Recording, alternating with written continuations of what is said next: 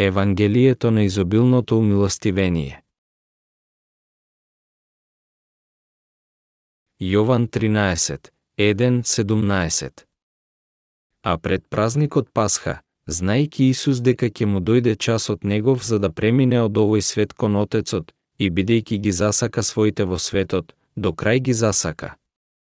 И на вечерата, кога ѓаволот беше вдахнал во срцето на Јуда Симнов Искариот за да го предаде, Исус, знаејќи дека Отецот се му предал во рацете и дека од Бога излегол и дека при Бога оди, стана од вечерата, ја соблече својата горна облека и кога зеде крпа, се препаша.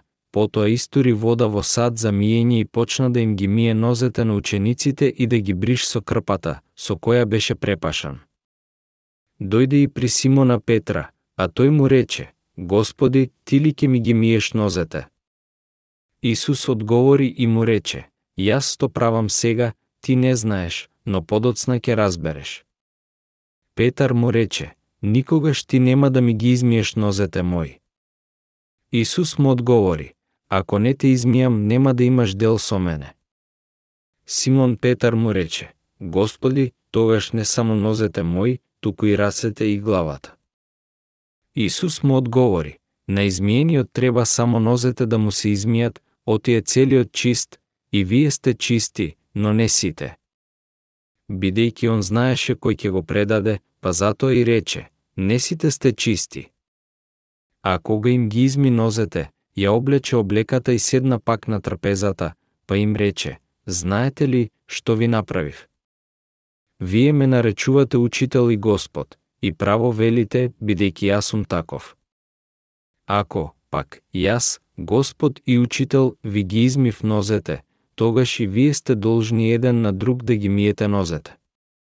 Затоа ви дадов пример да правите и вие така, како што ви направив јас.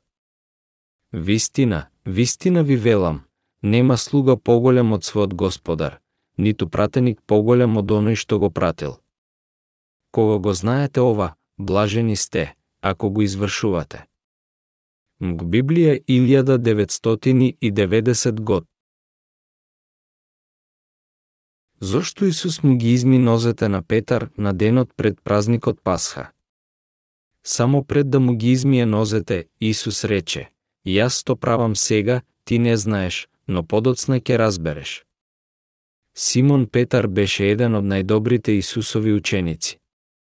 Тој веруваше дека Исус е Синот Божи и сведочеше дека Исус е Христос, и како што Исус му ги изми нозете, тогаш мора за ова да има добра причина.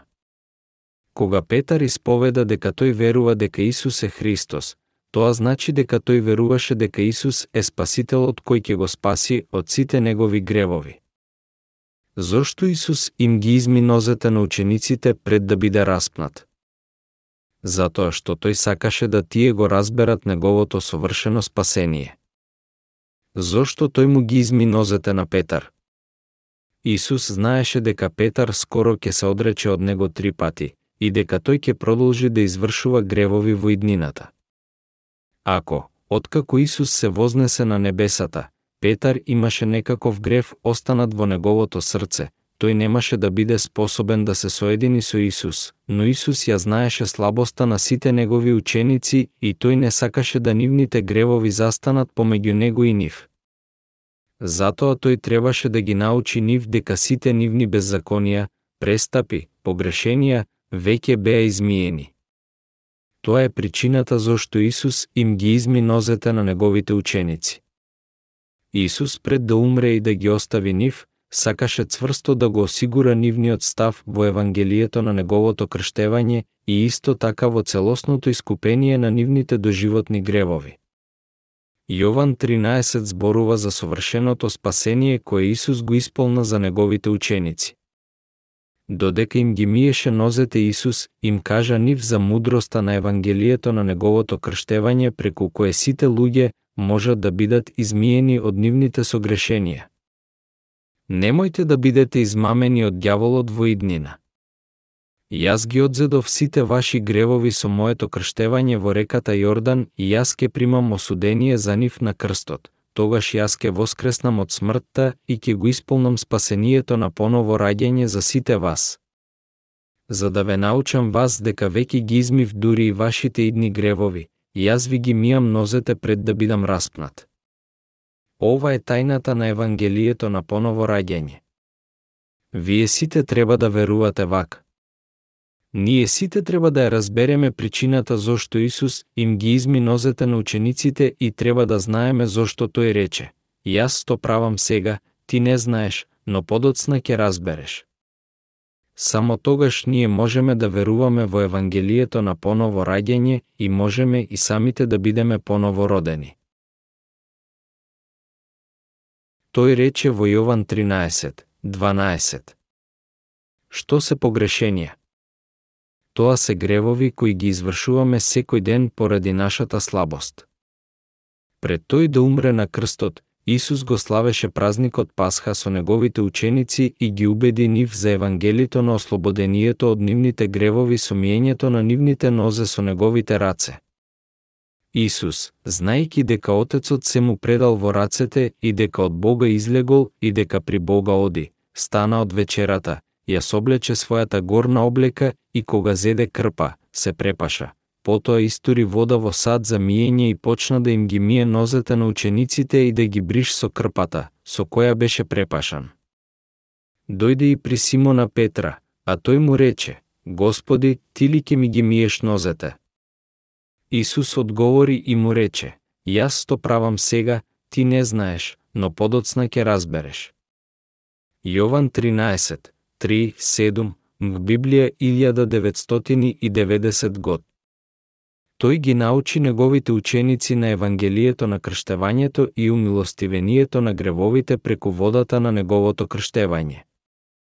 Во тоа време, како верен на Исус, Петар не беше способен да ја разбере причината зошто Исус, Господ, му ги изми нозете. После, откако Петар на вистина свати што Исус направил за него, начинот на кој тој веруваше во Исус се смена. Исус сакаше да го научи него за умилостивението на гревовите, за енангелието на водата на неговото крштевање. Тој беше загрижен за Петар да не може би поради неговите идни гревови не отиде кај него, со други зборови, гревовите на неговото месо во иднина. Тој им ги изми нозете за да ѓаволот не може да им ја одземе верата на неговите ученици. И покасно, Петар дојде до ова сознание. Исус го приготви патот за да секој еден кој верува во водата на неговото крштевање и крвта може да биде искупен од своите гревови за секогаш. Во Јован 13 зборовите кои тој ги изговори, додека им ги миеше нозете на неговите ученици, се запишани. Тие се многу важни зборови кои што само по новородениот може да ги навистина разбере. Причината зошто Исус им ги изми нозете на неговите ученици после празникот Пасха беше за да им помогне да сватат дека тој веќе ги измил нивните доживотни гревови. Исус рече, зошто јас ти ги мијам нозете ти сега не разбираш, но ќе разбереш после ова. Овие зборови спрема Петар ја содржат вистината на вечното умилостивение во него, ние сите треба да знаеме и да веруваме во крштевањето на Исус, со кое што тој не изми од нашите гревови и погрешенија. Крштевањето на Исус во реката Јордан беше евангелието на пренесување на гревовите преку рацеполагањето. Ние сите треба да веруваме во зборовите на Исус. Тој ги одзеде сите гревови на светот преку неговото крштевање и го оствари опростението на гревовите преку тоа што беше осуден и распнат. Исус беше крстен за да ги премавне сите гревови на сите луѓе.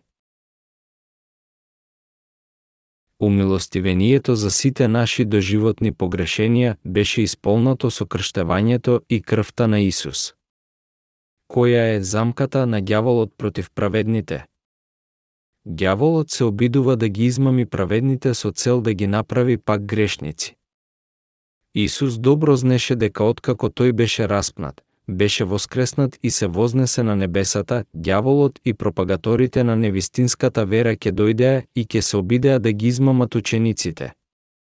Ние можеме да видиме во исповедта на Петар, ти си Христос, синот на живиот Бог, дека тој веруваше во Исус, но сепак, Исус сакаше да го подсети Петара уште еднаш да го чува на памет Евангелието на умилостивението на гревовите.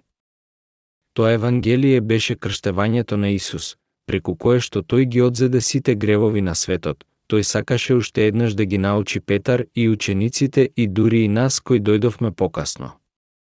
Јас што правам сега, ти не знаеш, но подоцна ќе разбереш. Кога и да учениците на Исус би погрешиле, Дјаволот би ги искушувал и осудувал велејки, гледај. Ако се уште извршуваш гревови како можеш да речеш дека си без грев. Ти не си спасен. Ти си само грешник.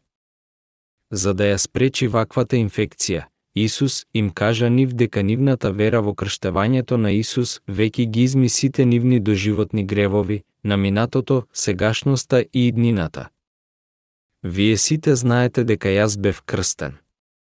Причината зошто бев крстен во реката Јордан беше за да ги измијам сите ваши доживотни гревови, како и оригиналните гревови на човештвото.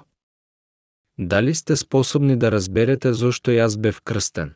Зошто јас треба да бидам распнат и да умрам на крстот? Исус им ги изми нозете на неговите ученици за да им каже дека тој веќе ги одзел сите нивни секојдневни гревови преку неговото крштевање и дека тој ќе го прими осудението за сите тие на крстот. Сега, ти и јас сме искупени од сите наши гревови преку нашата вера во Евангелието на Исусовото крштевање и крвта, кое што ни дозволува нас да примиме умилостивение за сите наши гревови. Исус беше крстен и распнат за нас. Секој кој го знае и верува во Евангелието на умилостивението на гревовите, секој еден кој верува во вистината е искупен од сите негови гревови. Тога што треба да прават повторно, родените откако ќе бидат спасени? Тие треба да ги признаат гревовите секој ден и да веруваат во спасението на крштевањето и крвта на Исус, Евангелието на умилостивението за сите нивни гревови.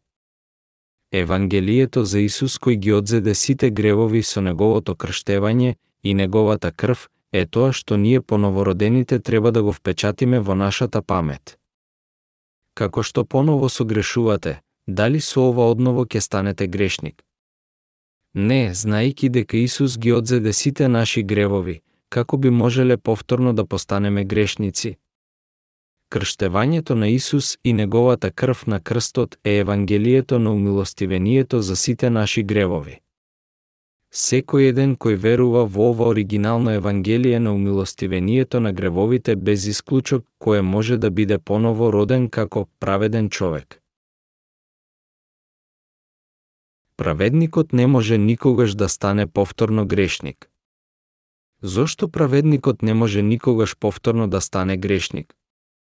затоа што Исус веќе умолостиви за сите нивни доживотни гревови. Ако верувате во Евангелието на искупението на гревовите, на водата и духот, но сепак се осеќате како грешник заради вашите секојдневни гревови, тогаш вие треба да одите во реката Јордан каде што Исус беше крстен за да ги одземе сите ваши гревови. Ако вие повторно постанете грешници, откако сте примили умилостивение за вишите гревови, тогаш Исус би требало одново да биде крстен. Вие треба да имате вера во умилостивението на гревовите во Евангелието на крштевањето на Исус. Вие треба на памет да имате дека Исус ги одзеде сите ваши гревови наеднаш преку неговото крштевање. Вие треба да имате непоколеблива вера во Исус Христос како ваш спасител. Верувањето во Исус како ваш спасител значи дека вие верувате во крштевањето на Исус, со кое што тој ги одзеде сите ваши доживотни гревови. Ако вие на вистина верувате во неговото крштевање, крстот, смртта и воскресението на Исус, вие не можете да постанете повторно грешник без разлика на тоа каков грев сте извршиле. Вие сте искупени од сите ваши гревови на целиот ваш живот преку вера. Исус Христос ги изми исто така и гревовите на иднината, дури и гревовите кои ги извршуваме поради нашата слабост. И затоа што Исус сакаше да го истакне значењето на неговото крштевање, тој им ги изми нозете на неговите ученици со вода за да го символизира Евангелието на искупението на гревовите, тоа е неговото крштевање. Исус Христос беше крстен, распнат, воскреснат и вознесен на небесата за да го исполни Божиото ветување за преизобилното умилостивение на сите гревови на светот и да го спаси целото човештво. Како резултат, неговите ученици беа способни да го проповедаат Евангелието на умилостивението за гревовите, крштевањето на Исус, крстот и воскресението се до крајот на нивниот живот. Слабоста на Петровото месо Зошто Петар се одрече од Исус? Заради тоа што тој беше слаб. Библијата ни кажува дека кога Петар беше соочен од слугата на Кајафа, високиот свештеник, и кога беше обвинет за еден од следбениците на Исус, тој два пати се одрече велејки, не го познавам човекот. Тогаш тој со клетва се одрече по трет пат. Ајде да прочитаме од Матеја 26, 69, а Петар седеше надвор во дворот.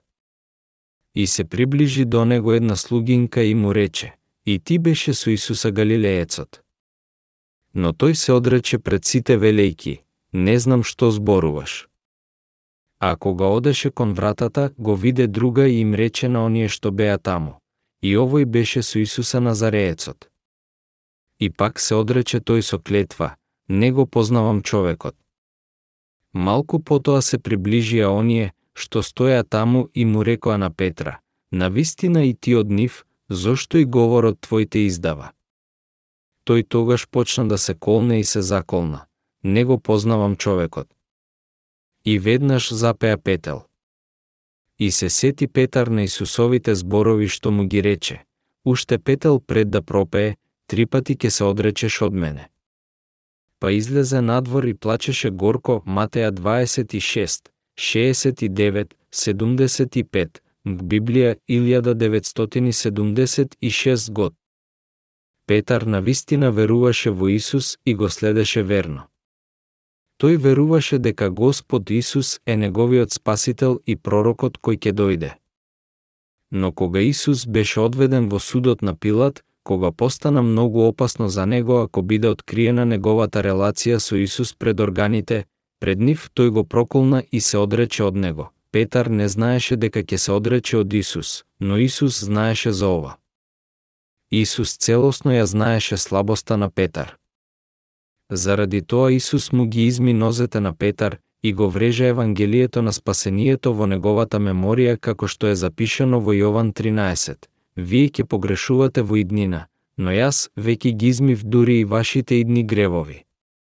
Петар на вистина се одрече од Исус кога неговиот живот беше во опасност, но тоа беше поради слабоста на неговото месо што го натера да го направи тој ова. Заради тоа, за да ги спаси неговите ученици од сите нивни согрешенија на иднината, Исус им ги изми одна пред нивните нозе јас ке ги премавнам и сите ваши идни гревови, исто така. Јас ке бидам распнат затоа што бев крстен, и ги одзедов сите ваши гревови, и ке ги исплатам сите нив за да постанам вистинскиот спасител за сите вас. Јас сум ваш Бог, вашиот спасител. Јас во изобилство ке исплатам за сите ваши гревови, јас ке постанам ваш пастир преку моето крштевање и крвта. Јас сум пастирот на вашето спасение. За да ја насади цврсто оваа вистина во нивните срца, Исус им ги изми нозете после празникот Пасха. Ова е вистината на Евангелието. Поради тоа што нашето месо е слабо дури и откако ќе се поново родиме, ние ќе согрешуваме повторно. Нормално да не би требало да согрешуваме, но кога ќе се соочиме со неколку кризи како и Петар, ние сме наклонети да грешиме и ако тоа не сме го намерувале. Затоа што живееме во месо, понекогаш сме водени кон уништување од нашите гревови. Месото ќе согрешува се додека живееме во овој светски свет, но Исус ги премавна сите тие гревови со неговото крштевање и крвта на крстот. Ние не одрекуваме дека Исус е наш спасител, но кога живееме во месото, ние продолжуваме да извршуваме гревови против волјата Божја. Тоа е затоа што сме родени од месо. Исус знаеше добро дека ние не можеме друго освен да извршуваме гревови додека живееме во месото, така тој постана наш спасител со исплаќањето на сите наши гревови со неговото крштевање и крвта. Тој ги премавна гревовите на сите оние кои што веруваат во неговото спасение и неговото воскресение. Ова е зошто сите четири евангелија почнуваат со крштевањето на Исус од Јован Крстител. Целта на неговиот човечки живот беше да го исполни евангелието на поново раѓање, евангелието на спасението. Колку долго ние погрешуваме во месото? Ние погрешуваме целиот наш живот се до денот кога ќе умреме. Кога Петар се одрече од него не еднаш, не два пати, туку три пати пред петелот да пропее, колку ли тоа му го скрши него срцето. Колку посрамен ли се чувствувал? Тој се заколна пред Исус дека нема никогаш да го издаде него, тој погреши заради слабоста на неговото месо, но колку мизерно ли тој се чувствувал кога тој подлегна на неговата слабост и се одрече од Исус не еднаш, туку три пати. Колку посрамотен ли тој се почувствувал кога Исус уште еднаш милостиво го погледна. Но Исус ги знаеше сите овие работи и многу повеќе. Заради тоа тој рече, јас знам дека ќе погрешиш повторно и повторно. Но јас веќе ги одзедов сите тие гревови со моето крштевање за да твоите гревови не те сопнат и да не те вратат да бидеш повторно грешник, за да не ти биде невозможно да дојдеш при мене, јас постанав целосниот спасител за тебе со тоа што бев крстен и осуден за сите твои гревови. Јас постанав твој Бог, твој пастир. Верувај во Евангелието на умилостивението за твоите гревови. Јас ке продолжам да те љубам дури и ако ги извршуваш гревовите на телото постојано. Јас веќе ги измив сите твои согрешенија. Евангелието на умилостивението за сите твои гревови е ефективно за секогаш. Мојата љубов за тебе е исто така за секогаш. Исус им кажа на Петар и на учениците, ако не те измијам, нема да имаш дел со мене. Причината зошто тој зборуваше за ова Евангелие во Јован 13 е затоа што е многу важно за луѓето да бидат поново родени од вода и дух, дали верувате во ова. Во стихот 9, Симон Петар му рече, Господи, тогаш не само нозете мој, туку и рацете и главата. Исус му одговори, на измиениот треба само нозете да му се измијат, отие целиот чист, драги пријатели, дали ќе извршите гревови од месото во иднина или не. На вистина вие ќе извршите. Но Исус рече дека тој веќе ги изми дури и гревовите на иднината, сите согрешенија на нашето месо со неговото крштевање и крвта, и тој јасно им го кажа на неговите ученици словото на вистината, на Евангелието за искупението пред тој да биде распнат. Заради тоа што ние живееме во нашето месо со нашата слабост, ние не можеме друго освен да погрешуваме. Исус ги изми сите гревови на светот со неговото крштевање. Тој не само што ја изми нашата глава и тело, но тој ги изми и нашите нозе, тоа е, сите наши гревови на иднината. Ова е Евангелието да бидеш поново роден од крштевањето на Исус. После, откако Исус беше крстен, Јован Крстител посведочи, Еве го јагнето Божјо, кој ги зеде гревовите на светот врз себе. Јован 1, 29, в Библија 1990 год. Ние треба да веруваме дека сите гревови на светот беа измиени преку нивното положување врз на Исус кога тој беше крстен. Додека живееме во овој гревовен свет, ние не можеме друго освен да погрешуваме. Тоа е очигледен факт. Кога и да слабоста на нашето месо излегува на површина, ние треба да се подсетиме себе си дека Исус ги изми сите наши гревови и сите гревови на светот преку Евангелието на искупението и ги исплати сите тие со неговата крв. Ајде да исповедаме со вера дека Исус е наш Спасител и наш Бог, слава на Господа. Секој еден во овој свет не може друго освен да извршува гревови со месото. Луѓето постојано погрешуваат со нивното тело и умираат од нивните цело, животни гревови на месото. лоши помисли во срцата на луѓето. Што го осквернува човекот? Различни видови на гревови и лоши помисли. Исус вели во Матеја 15, 19, 20, зашто од срцето произлегуваат зли мисли, убиства, прелюби, блудства, кражби, лажни сведоштва, хули. Тие се нештата кои го онечистуваат човекот. А јадењето со неизмиени раце не го онечистува човекот. Во Библија 1999 год. Заради различните видови на гревови во срцето на човекот, тие го осквернуваат човекот, тој е нечист. Секој еден мора да ја признае својата зла природа. Што има во срцето на секој еден човек? 12 видови на грев, Марко 7, 21-23. Ние треба да бидеме способни да речеме, тие 12 гревови се во срцата на луѓето. Јас ги имам сите нив во моето срце. Јас ги имам 12 видови на грев во мене за кои што е запишано во Библијата. Пред да ние бидеме поново родени од вода и дух, ние треба да признаеме дека гревовите беа во оригиналност во нашите срца. Ние треба да сватиме дека сме целосни грешници пред Бога. Но ние не го правиме тоа често. Повеќето од нас бараат оправданија за нашите гревови велејки. Јас никогаш порано не сум имал таква помисла, јас сум моментално збунет.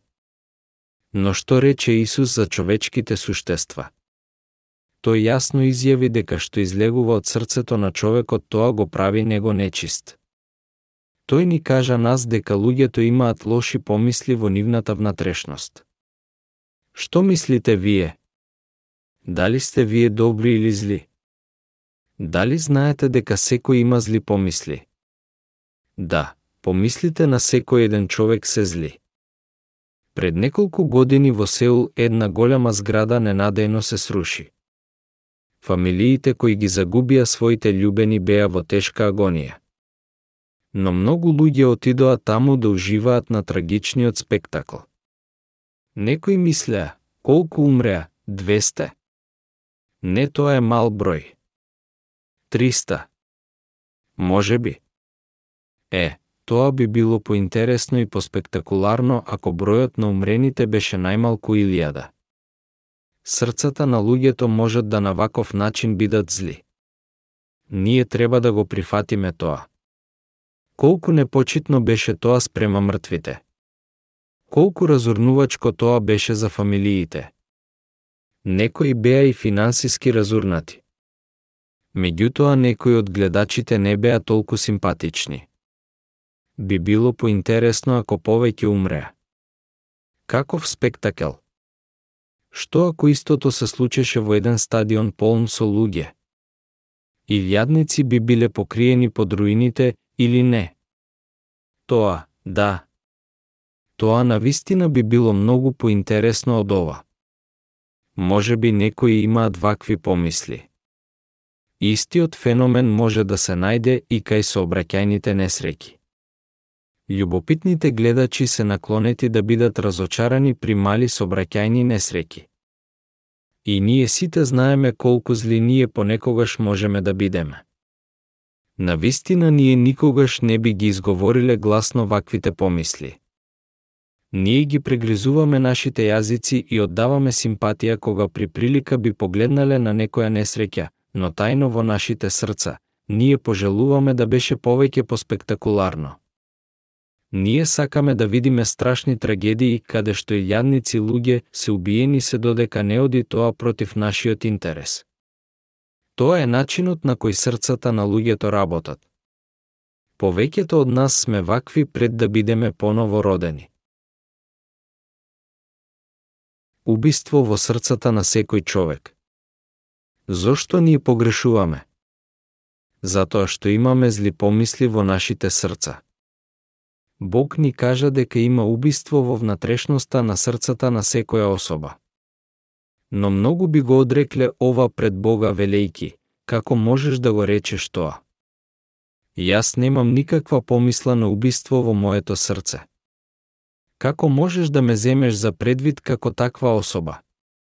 Тие никогаш не би признале дека тие имаат убиство во срцата нивни. Тие мислат дека убиците се од друга раса.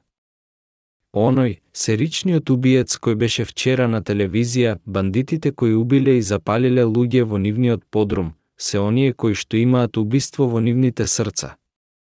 Тие се од друга раса. Јас никогаш не можам да бидам како нив. Тие се никаквици. Убийци. Тие се негодуваат со криминалците и викаат, оние родените од злосеме треба да бидат избришани од лицето на земјава. Тие сите треба да бидат осудени на смрт. Но, нажалост, помислата на убиство е во внатрешноста на срцето на овие негодувачи исто како и во срцата на сериските убивачи и убийци. Бог ни кажува дека во срцата на секој човек има убиство. Ние треба да го прифатиме Словото Божјо, кој ги гледа дури и работите скриени во нашата памет. Така ние треба да признаеме, јас сум грешник со убиство во моето срце да Бог ни кажа дека има лоши помисли вклучувајќи и убиство во срцата на сите луѓе. Ајде да го прифатиме Словото Божјо, како што генерациите на човештвото постануваат позли и позли, секаква опрема за лична заштита постануваат алатки за убиство. Ова е резултат од убиството во нашите срца. Вие можете да убиете во момент на лутина или страв. Јас не велам дека секој од нас ќе убие друг, но дека сите ние имаме мисла за тоа во нашите срца. Ние сите сме родени со лоши помисли во нашите срца. Некои на вистина завршуваат извршувајќи убиство, но не затоа што се специјално родени убийци, но дека сите ние сме способни да постанеме убийци. Бог ни кажува дека ние имаме лоши помисли и убиство во нашите срца. Тоа е вистина. Никој од нас не е исклучок на оваа вистина. Заради тоа точната патека за нас по која треба да одиме е да го прифатиме Словото Божјо и да сме послушни, покорни. Ние погрешуваме во овој свет затоа што имаме лоши помисли во нашите срца.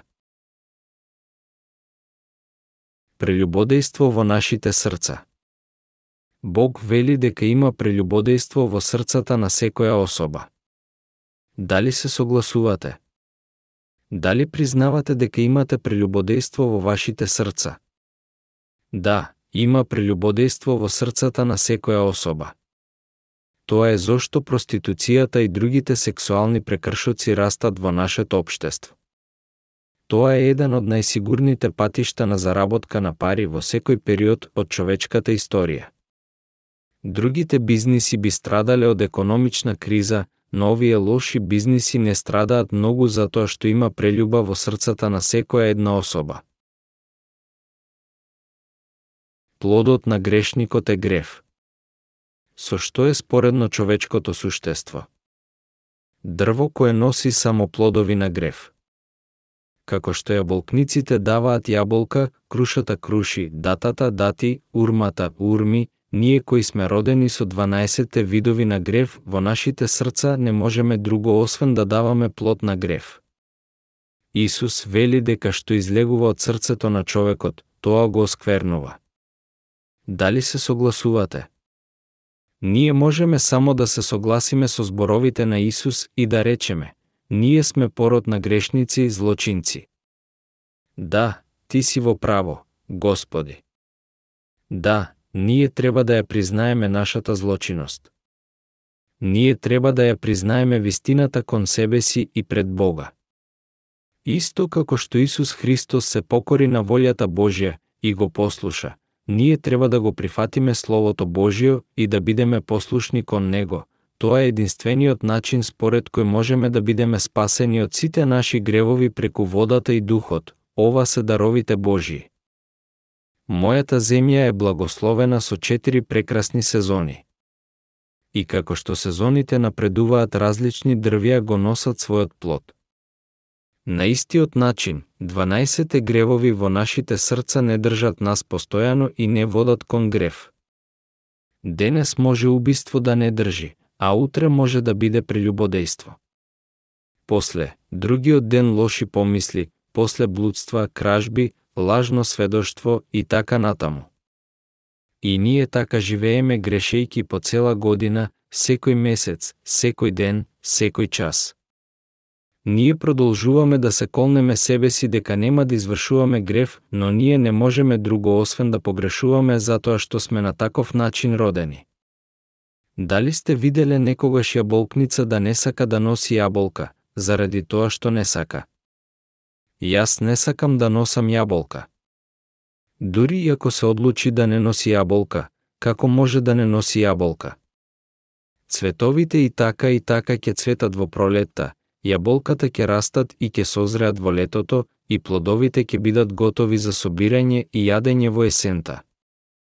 Тоа е одредбата на природата и животот на грешниците мора исто така да го следи истиот закон на природата. Грешниците не можат друго освен да носат плодови на грев. Крштевањето и крстот Исусов беа за да умилостиви за нашите гревови. Што значи преку Исусовото умилостивение? Тоа е исплата на платата за гревовите преку крштевањето на Исус, раце полагањето и неговата крв на крстот. Ајде да прочитаме стих во Библијата за да најдеме како грешниците, породи на злочинци, можат да умилостивуваат за нивните гревови пред Бога и да го живеат нивниот живот во радост. Ова е Евангелието на умилостивението за гревови.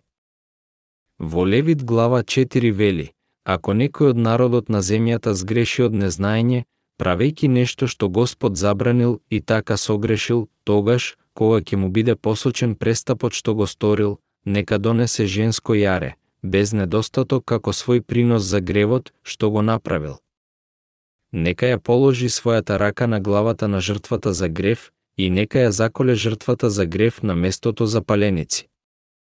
Свештеникот нека земе крв на својот прст и нека ја стави на роговите на жртвеникот за паленици. А сета друга крв нека ја излее во подножието на жртвеникот. Потоа нека го извади сиот неизин лој како што се вади лој од жртва по мирница, па свештеникот нека го изгори на жртвеникот како благопријатен мирис на Господа. И така свештеникот ќе направи да биде покриен неговиот грев, и ќе му биде простено Левит 4, 27, 31, Библија 1999 год. Како умилостивуваа луѓето за нивните гревови за време на деновите на Стариот Тестамент. Тие ги полагаа своите раце врз главата на принос жртвата за грев и ги положуваа пренесуваа гревовите на врз неа. Напишано е во Левит, Кога некој од вас сака да му принесе на Господа жртва од добитокот, нека ја принесе или од крупниот или од ситниот добиток. Ако неговиот принос за жртвата паленица биде од крупниот добиток, нека принесе машко без недостаток. Нека го доведе кон влезот на шаторот на средбата за да биде примен пред Господа нека ја стави својата рака на главата на жртвата паленица, за да му биде примена и со тоа да му се покрие вината Левит 1, 2, 4, Библија 1999 год. Кога човекот тој век го созна гревот во своето срце, тој требаше да приготви принос жртва која што ќе беше користена за умилостивение на грев. И тој требаше да ги постави своите раце, на главата на жртвата за да ги пренесе гревовите кои што ги извршил. Внатре во дворот на светиот шатор имаше жртвеник за жртви паленици. Тој беше во форма на кутија малку поголем од говорничка маса и имаше рогови на сите четири краеви. Луѓето на Израел умилостивуваа за нивните гревови преку пренесувањето на нивните гревови на главата на жртвата принос и го изгоруваа незиното месо на жртвеникот за паленици. Бог им рече на луѓето во Левит, принесувајте доброволен дар при влезот на шаторот пред Господа. Нивните гревови беа пренесени на врз жртвата принос кога тие ги поставија своите раце врз главата на жртвата и тогаш грешникот требаше да ја заколе жртвата и да се стави неизината крв на роговите на жртвеникот за паленици. После тоа трупот на жртвата беше очистен од внатрешните органи и неизиното месо беше расечено на делови и изгорено до пепел на жртвеникот за паленици. Тогаш благопријатниот мирис на месото беше принесен на Бога за нивното умилостивение. Ова беше како тие умилостивуваа за нивните дневни гревови. Тогаш Бог им дозволи друга жртва за умилостивение за нивните годишни гревови таа се разликуваше од жртвата за умилостивение на секојдневните гревови. Во овој случај само високиот свештеник ги ставаше своите раце на главата на жртвата на местото на сите луѓе на Израел и тој ја попрска седум пати источната страна на капакот. Исто, рацеполагањето негово на главата на живиот јарец беше извршено во присутност на луѓето на Израел на десеттиот ден од седмиот месец секоја година, Левит 16, 5, 27. Кого го символизира принос жртвата за грев во Стариот Тестамент? Исус Христос. Сега ајде да најдеме како жртвениот систем се промена во Новиот Тестамент и како вечниот закон Божји остана постојан преку годините. Зошто Исус требаше да умре на крстот? Какво зло направи тој на оваа земја да Бог дозволи неговиот син умре на крстот? кој го присили него да умре на крстот. Кога сите грешници на светот, значи сите ние, паднаа во грев, Исус дојде на овој свет за да не спаси нас. Тој беше крстен од Јован Крстител во реката Јордан и го прими осудението на крстот на местото од целото човештво за сите гревови. Начинот на кој Исус беше крстен, начинот на кој тој ја пролеа крвта на крстот беше иста како жртвата за умилостивение на Стариот Тестамент, рацеполагањето на главата на принос жртвата и неизиното крвопролевање. Ова беше начинот како требаше тоа да биде извршено во Стариот Тестамент. Грешникот ги ставаше неговите раце на принос жртвата и ги исповеда неговите гревови, велејки, Господи, јас погрешив јас извршив убиство и прелюбодејство. Тогаш неговите гревови беа пренесени на врз принос жртвата. И исто како што грешникот ја закла принос жртвата и ја жртвува пред Бога, Исус беше жртвуван на истиот начин за да умилостиви за сите наши гревови. Исус беше крстен и ја пролеа крвта на крстот за да не спаси нас и да умилостиви за сите наши гревови преку неговата жртва. Всушност, Исус умре заради нас. Кога размислуваме за тоа, кое беше значењето на жртвувањето на сите тие животни без недостаток како жртви за сите гревови на луѓето. Знае ли сите тие животни што е грев? Животните не знаат што е грев. Тие требаа да бидат без недостаток. Исто како што тие животни беа без недостаток, така и Исус беше без грев. Тој е свет Бог, Син Божи, и тој никогаш не извршил грев.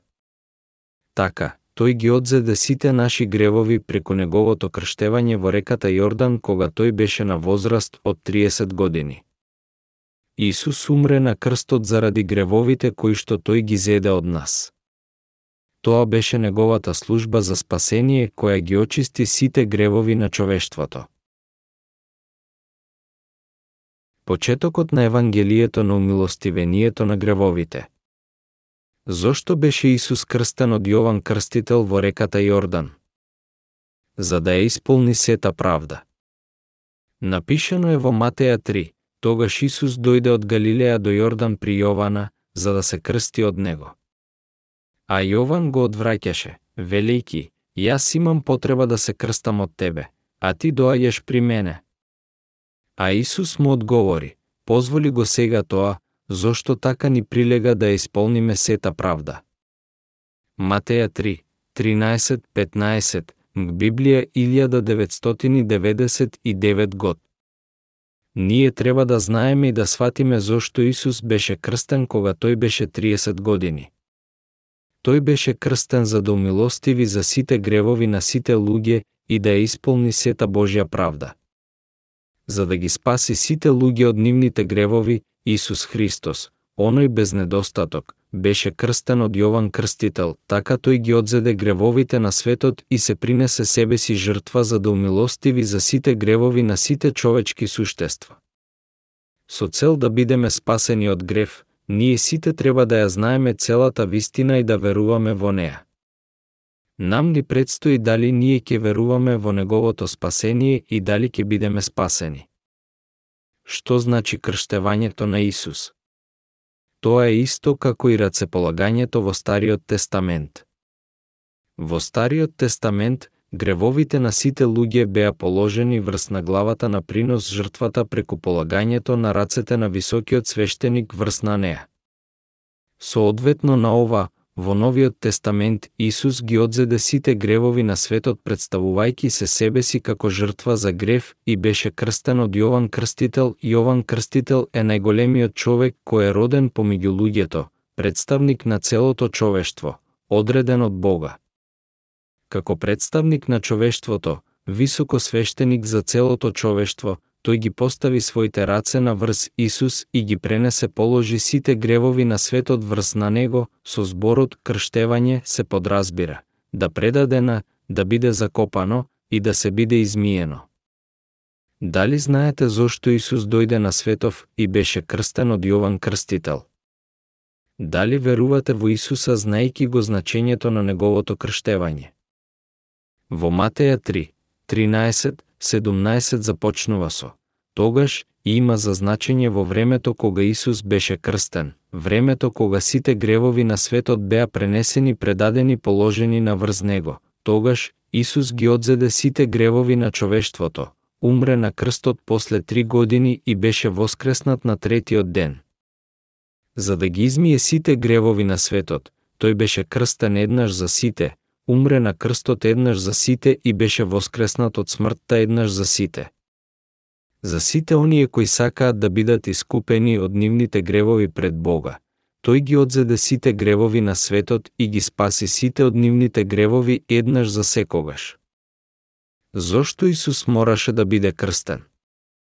Зошто требаше него да му биде ставена круна од бодликава жица и да биде суден во судот на Понти Пилат како некој обичен криминалец, Зошто тој требаше да биде распнат на крстот и да ја пролее крвта до смрт? Причината за се ова погорното е затоа што тој ги одзеде сите гревови на светот, гревовите мои и гревовите твои, наврз себе си преку неговото крштевање. И за нашите гревови тој требаше да умре на крстот. Ние треба да веруваме во словото на спасението дека Бог не спаси нас и треба да му бидеме него благодарни. Без крштевањето на Исус, неговиот крст и неговото воскресение немаше да има спасение за нас. Кога Исус беше крстен од Јован Крстител за да ги одземе сите гревови на светот, тој ги одзеде сите наши гревови и така не спаси нас кои веруваме во неговото евангелие на спасението. Има луѓе кои што мислат, Исус ги одзеде само оригиналните гревови или не. Но тие се во грешка. Јасно е запишано во Библијата дека Исус ги одзеде сите гревови на светот еднаш за секогаш кога тој беше крстен. Сите наши гревови, вклучувајќи ги и оригиналните гревови, беа измиени, однесени. Исус вели во Матеја 3, 15, така ни прилега да исполниме сета правда. Во Библија 1999 год. Да ја исполниме сета правда значи дека сите гревови без никаков исклучок беа одземени од нас. Дали Исус исто така ги изми и сите наши доживотни гревови? Да, тој ги изми. Ајде прво да го најдеме доказот за тоа во Левит, ни кажува за жртвата принос на денот на големото очистување. Жртвата за умилостивение на годишните гревови на сите израелци. Дали израелците можеа да бидат осветени еднаш за секогаш преку принос жртва од оваа земја? Никогаш. Откако Арон ќе го принесе јунецот за принос за грев за себе и ќе направи покривање на гревот за себе си и својот дом, нека ги зема двата јарци и нека ги стави пред Господа при влезот на шаторот на средбата. Арон нека фрли жребка за двата јарци и нека го одреди едниот со жребка за Господа, а другиот за отпуштање. Арон нека го принесе за жртва грев јарецот, на кого жребката падна да биде за Господов, а јарецот на кого жребката падна за отпуштање, нека биде поставен жив пред Господ, за да биде извршено покривање на гревот со него и за да биде испратен во пустината за отпуштање, и за да ги понесе на себе нивните беззаконија во непроодна земја, Левит 16, 6-10, Библија 1999 год. Овде Арон зеде два јарци пред влезот на шаторот за средба за да умилостиви за годишните гревови на израелците. Арон нека фрли жребка за двата јарци и нека го одреди едниот со жребка за Господа, а другиот за отпуштање. Жртва животно беше потребно за секое законски одредено умилостивение за секојдневните гревови со цел да грешникот ги пренеси гревовите на врз неговата глава преку рацеполагање на врз него. За годишните гревови на израелците, високо свештеникот, на местото од сите луѓе, ги пренесе годишните гревови на врз жртвата за грев на десеттиот ден на седмиот месец секоја година. Во Левит 16, 29, 31 запишано е, во седмиот месец, на десеттиот ден на месецот, смирете ги вашите души и не вршете никаква работа, ни домородецот ни странецот, кој е населен меѓу вас. Зошто на тој ден ќе биде извршено над вас покривање на гревовите, за да бидете чисти пред Господа од сите ваши гревови? Нека ви биде тоа саботна починка, за да ги успокоите вашите души. Тоа е вечен закон. Левит 16, 29, 31 в Библија 1999 год. Во Стариот тестамент луѓето на Израел донесуваа жртва за грев, за да ги покријат дневните гревови и да ги пренесат нивните гревови на врз главата на жртвата, исповедајки: Господи, јас извршив ваков и ваков грев. Те молам прости ми.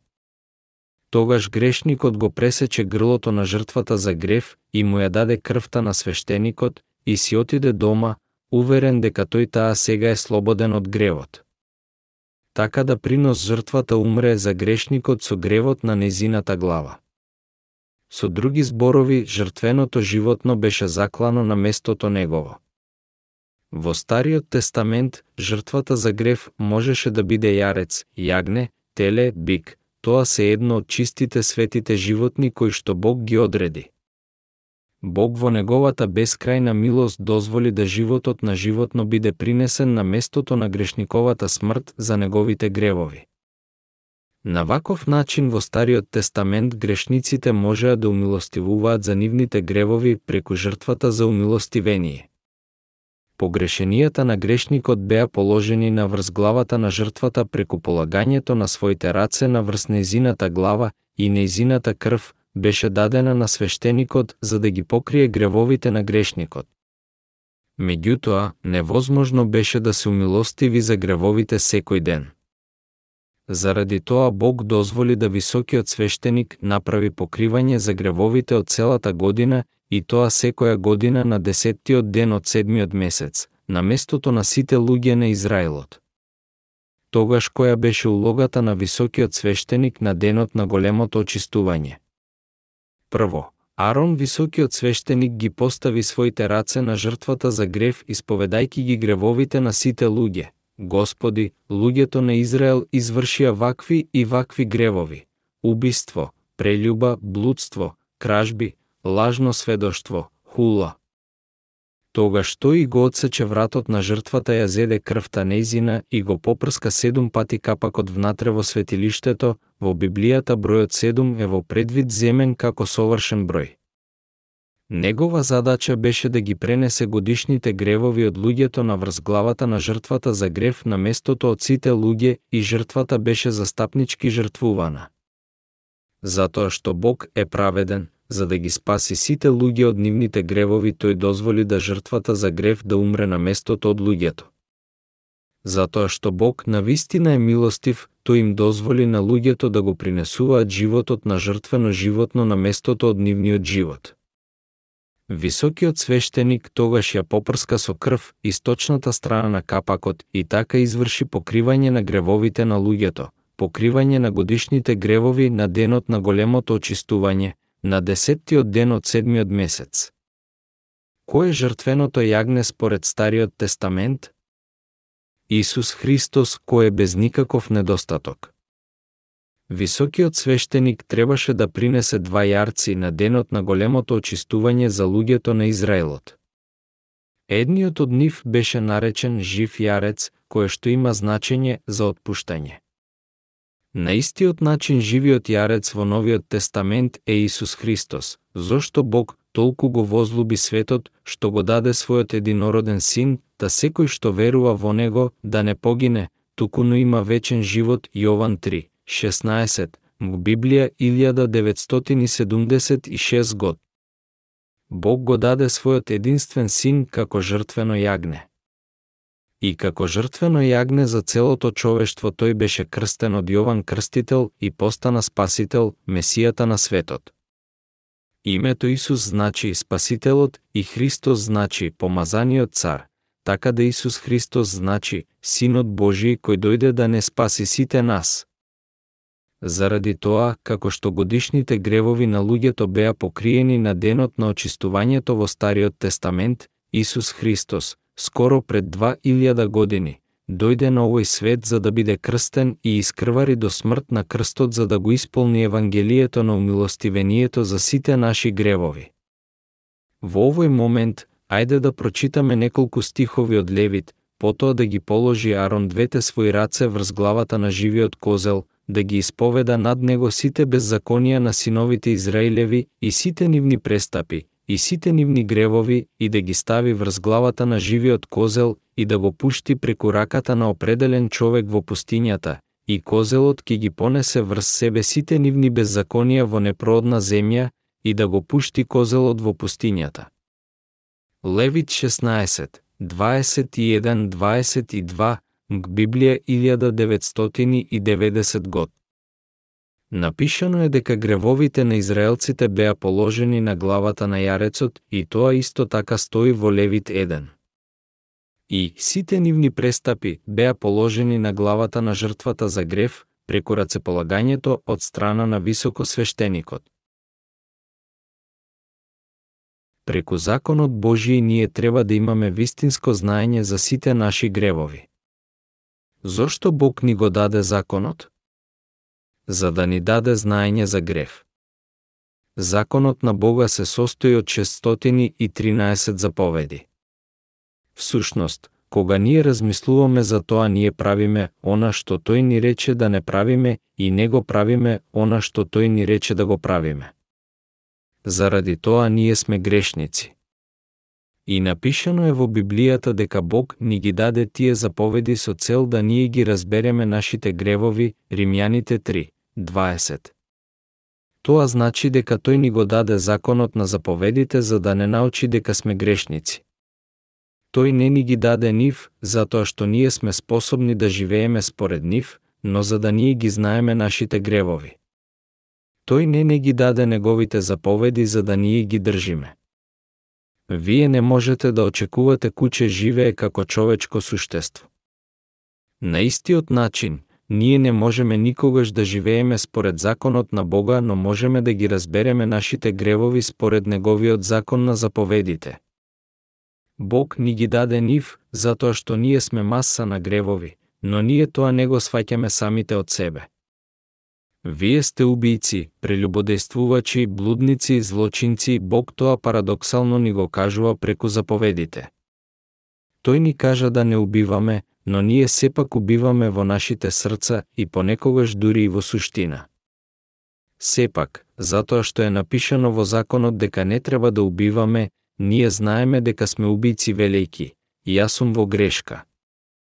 Јас сум грешник зошто направив нешто што не требаше да сторам. Јас погрешив. Заради тоа, да ги спаси луѓето на Израел од гревовите, Бог му дозволи на Арон да принесе жртва за умилостивение во Стариот Тестамент и Арон беше оној кој изврши покривање за гревовите на луѓето еднаш годишно. Во Стариот Тестамент, две жртви за грев требаа да бидат принесени пред Бога на денот на очистувањето. Едниот беше жртвуван пред Бога, додека другиот беше отпуштен во пустината после рацеполагањето, понесувајќи ги сите годишни гревови од луѓето. Пред да биде јарецот отпуштен преку раката на човекот определен за тоа, високиот свештеник ги стави своите раце на главата на живиот јарец и ги исповеда гревовите на Израилот. Господи, луѓето убија, блудствуваа, украдија, љубеа идоли ние погрешивме пред Тебе. Земјата Палестина е земја пустинска. Живиот јарец беше отпуштен во бескрајната пустина и конечно таму умре. Кога тој беше отпуштен, луѓето на Израел гледаа кон него додека не им се изгуби од видот и веруваа дека сите нивни гревови беа однесени со живиот јарец. Луѓето вака здобија мир на совеста и живиот јарец умре во пустината за годишните гревови на сите луѓе. И на сличен начин Бог умилостиви за сите наши гревови преку јагнето Божјо, Исус Христос. Сите наши гревови беа измиени целосно преку крштевањето на Исус и неговата крв на крстот. Исус е Бог и наш Спасител. Тој е Синот Божи кој дојде да го спаси човештвото од гревот и тој е Создадителот кој не направи нас во неговиот лик. Тој дојде долу на овој свет за да не спаси нас од грев. Не само секојдневните гревови што ги извршуваме со нашето тело, месо, но истото така и сите гревови на иднината, сите гревови на нашата памет и на нашето месо беа пренесени положени на врз него, така тој требаше да биде крстен од Јован Крстителот за да ја исполни сета правда Божја, целосното покривање на гревовите на светот. Три години пред Исус да биде распнат, кога тој прво ја почна неговата јавна служба, тој ги зеде сите гревови на светот со тоа што беше крстен од Јован Крстител во реката Јордан. Неговото спасение на човештвото преку умилостивението за сите наши гревови почна со неговото крштевање. Во реката Јордан, на место каде што имаше длабочина сигурно до струк, Јован Крстител ги стави своите раце на главата на Исус и го потопи него во вода. Ова крштевање беше исто како и рацеполагањето во Стариот Тестамент и го има истиот ефект на пренесувањето на гревовите. Да се биде потопен во вода значеше смрт, а излегувањето од водата значи воскресение. Така, Преку тоа што беше Исус крстен од Јован Крстител, Исус ги исполна и ги откри трите компоненти, дела на неговата служба, одземањето на сите гревови, распнување и воскресение. Ние можеме да бидеме спасени само ако сме покорни на Словото со кое што Исус не спаси нас од грев. Бог одлучи да не спаси нас преку Исус и заветот кој го склучи тој во Стариот Тестамент беше вака исполнат. За ова, Исус одеше кон крстот со сите наши гревови врз на неговата глава. Каква работа е преостана сега за нас, откако Исус ги премавна сите наши гревови? Се што ние треба да правиме е да веруваме во Словото Божје. Во Јован 1, 29 напишано е, на другиот ден го виде Јован Исуса како доаѓа при него и рече, Еве го Божиото јагне кој ги зеде гревовите на светот врз себе. Јован Крстител сведочеше, еве го јагнето Божио, кој ги зеде гревовите на светот врз себе. Мг Библија 1990 год. Сите гревови на човештвото беа пренесени на врз Исус кога тој беше крстен во Јордан. Верувајте, тогаш вие ќе бидете благословени со покривање на вашите гревови.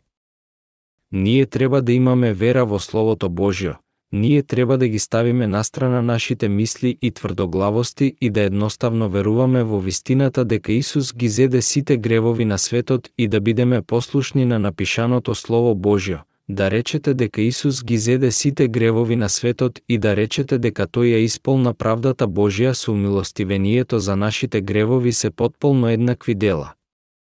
И рацеполагањето и крштевањето се исто така потполно исти. Без разлика дали ќе речеме сите, потполно или целосно, значењето останува исто. Значењето на зборот рацеполагање во Стариот тестамент останува исто во Новиот тестамент, само зборот крштевање е користен на негово место. Тоа сега доаѓа до едноставна вистина дека Исус беше двете, крстен и осуден на крстот за да умилостиви за сите наши гревови. И ние можеме да бидеме спасени кога ние веруваме во оригиналното Евангелие. Кога Библијата вели дека Исус ги одзеде сите гревови на светот Јован 1, 29, што значи тогаш гревовите на светот? Тоа значи сите гревови со кои што ние сме родени, тоа се лоши помисли, кражби, блудства, лакомства, лукавства, хули, гордост и безумност кои живеат во нашата памет. Тоа ги вклучува исто сите согрешенија и престапи кои ние ги извршуваме со телото, месото и во нашето срце. Зашто смртта е плата за грев, но благодатниот Божји дар е вечен живот во Христа Исуса, нашиот Господ. Римјаните 6, 23, Библија 1999 год. И без пролевање крв проштевање не станува. Евреите 9, 22, в Библија 1999 год. Како што е речено во овие стихови, сите гревови треба да бидат исплатени. И Исус Христос, за да го спаси целото човештво од грев, го принесе својот живот и ја исплати платата за гревот за нас еднаш за секогаш. Заради тоа, за да бидеме ослободени од сите наши гревови, се што ние треба да правиме е да веруваме во оригиналното Евангелие, крштевањето на Исус и неговата крв и неговата божественост. Покривањето, умилостивението на утреденските гревови. Дали треба се уште да принесуваме жртви за нашите гревови? Никогаш повеќе. Гревовите на утреден и на задутре и гревовите кои ќе ги извршиме до денот кога ќе умреме се исто така вклучени во гревовите на светот, исто така и гревовите денешни, вчерашни и од денот пред вчера се вклучени во гревовите на светот и самиот грев на светот беше пренесен на врз Исус преку неговото крштевање. Заради тоа сите гревови кои ние ќе ги извршиме до денот кога ќе умреме беа веќе земени од нас. И ние треба да само веруваме во ова оригинално Евангелие, напишаното Слово Божјо и да и бидеме покорни на вистината за да бидеме спасени. Ние треба да ги ставиме настрана нашите собствени мисли за да бидеме спасени од сите наши гревови. Вие може би ке прашате, како можеше он да ги одземе гревовите кои се уште не се извршени? Тогаш јас би сакал да ве прашам во возврат, Дали Исус треба да доаѓа на овој свет секогаш кога ние ќе погрешиме и одново да ја пролева крвта и пак одново и пак одново? Со Евангелието на поново раѓање постои законот за умилостивение на гревовите. И без пролевање крв проштевање не станува. Евреите 9, 22, в Библија 1999 год кога некој сакаше да биде искупен од неговите гревови во времето на Стариот Тестамент, тој требаше да ги пренесе неговите гревови со рацеполагањето на главата на жртвата за грев и жртвата требаше да умре за тој грев. На многу ист начин, Синот Божи дојде долу на овој свет за да го спаси човештвото. Тој беше крстен за да ги одземе сите наши гревови и тој искрвари на крстот за да исплати платата за нашите гревови и тој умре на крстот велејки, се сврши. Тој беше воскреснат од смртта на третиот ден и сега седи на десната рака на Бога. Така, тој стана наш спасител за секогаш. За да целосно бидеме искупени од нашите гревови, ние треба да изфрлиме од нас секаква вкоренета идеја и да ги напуштиме религиозните доктрини дека ние можеме да бидеме очистени од секојдневните гревови преку молитви на покаяние. Со цел да бидат гревовите на светот уништени еднаш за секогаш, законска жртва требаше да биде принесена – Бог на небесата ги пренесе сите гревови на светот на врз својот единствен син преку неговото крштевање и го распна него за нас. И со неговото воскресение од смртта нашето спасение беше целосно. Тој ги понесе нашите болести, ги зеде врз себе нашите болки, додека ние сметавме дека Бог го бие и го понижува. За нашите престапи беше прободен, сотрен. А Господ ги возложи на него беззаконијата на сите нас. Во Библија 1999 год. Во Исаја 53 речено е дека сите погрешенија, престапи и беззаконија на светот беа положени на Исус. И во Новиот Тестамент во Ефесијаните 1, 4 напишано е, така што и не избра преку него, уште пред светот да биде создаден, Библија 2009 год. Ова ни кажува нас дека тој не избра нас во него пред создавањето на светот. Дури и пред светот да беше создаден Бог одлучи да не направи нас негов народ, праведни без никаков недостаток во Христа. Што и да сме мислеле порано, ние треба сега да веруваме и да бидеме послушни на Словото Божјо, Словото на водата, крвта и духот. Бог ни кажа дека неговото јагне, Исус Христос, ги зеде гревовите на светот и умилостиви за целото човештво. Во Евреите 10 напишано е законот, имајќи ја сенката на идните добра, а не самиот образ на работите, никогаш не може со оние исти жртви, што се принесуваат секоја година, да ги усоврши оние, кои пристапуваат. Евреите 10, 1, Библија 1990 год. Овде вели дека истите жртви кои тие ги принесуваат постојано година за година, не може никогаш нив да ги направи совршени. Законот е сенка на идните добра, а не и самата суштина на работите. Исус Христос, Месијата кој требаше да дојде, не направи нас совршени еднаш за секогаш, исто како што и годишните жртви умилостивуваа за цела година за сите, преку што беше крстен и што беше распнат за да умилостиви за сите наши гревови. Заради тоа Исус рече во Евреите 10, тогаш реков, Ете, идам, напишано е за мене во книгата да ја извршам, Боже, волјата Твоја. Кога погоре рече, жртви и дарови и сепаленици за гревот, што се принесуваат според законот, ти не посака и не ти се угодни, а потоа рече, ете, идам, Боже, да ја извршам волјата Твоја, со тоа тој го укинува првото за да го воспостави второто. Според таа волја сме осветени со приносот на телото на Исус Христос еднаш за секогаш. И секој свештеник стои секој ден, служејки и принесувајки многупати едни и исти жртви, кои никогаш не можат да ги отстранат гревовите, а тој, принесувајки само една жртва за гревовите, за секогаш седна оддесно на Бога, и од тогаш чека понатаму, додека непријателите негови не бидат положени како подножие за нозете негови, зашто преку едно принесување тој осветените ги направи за секогаш совршени.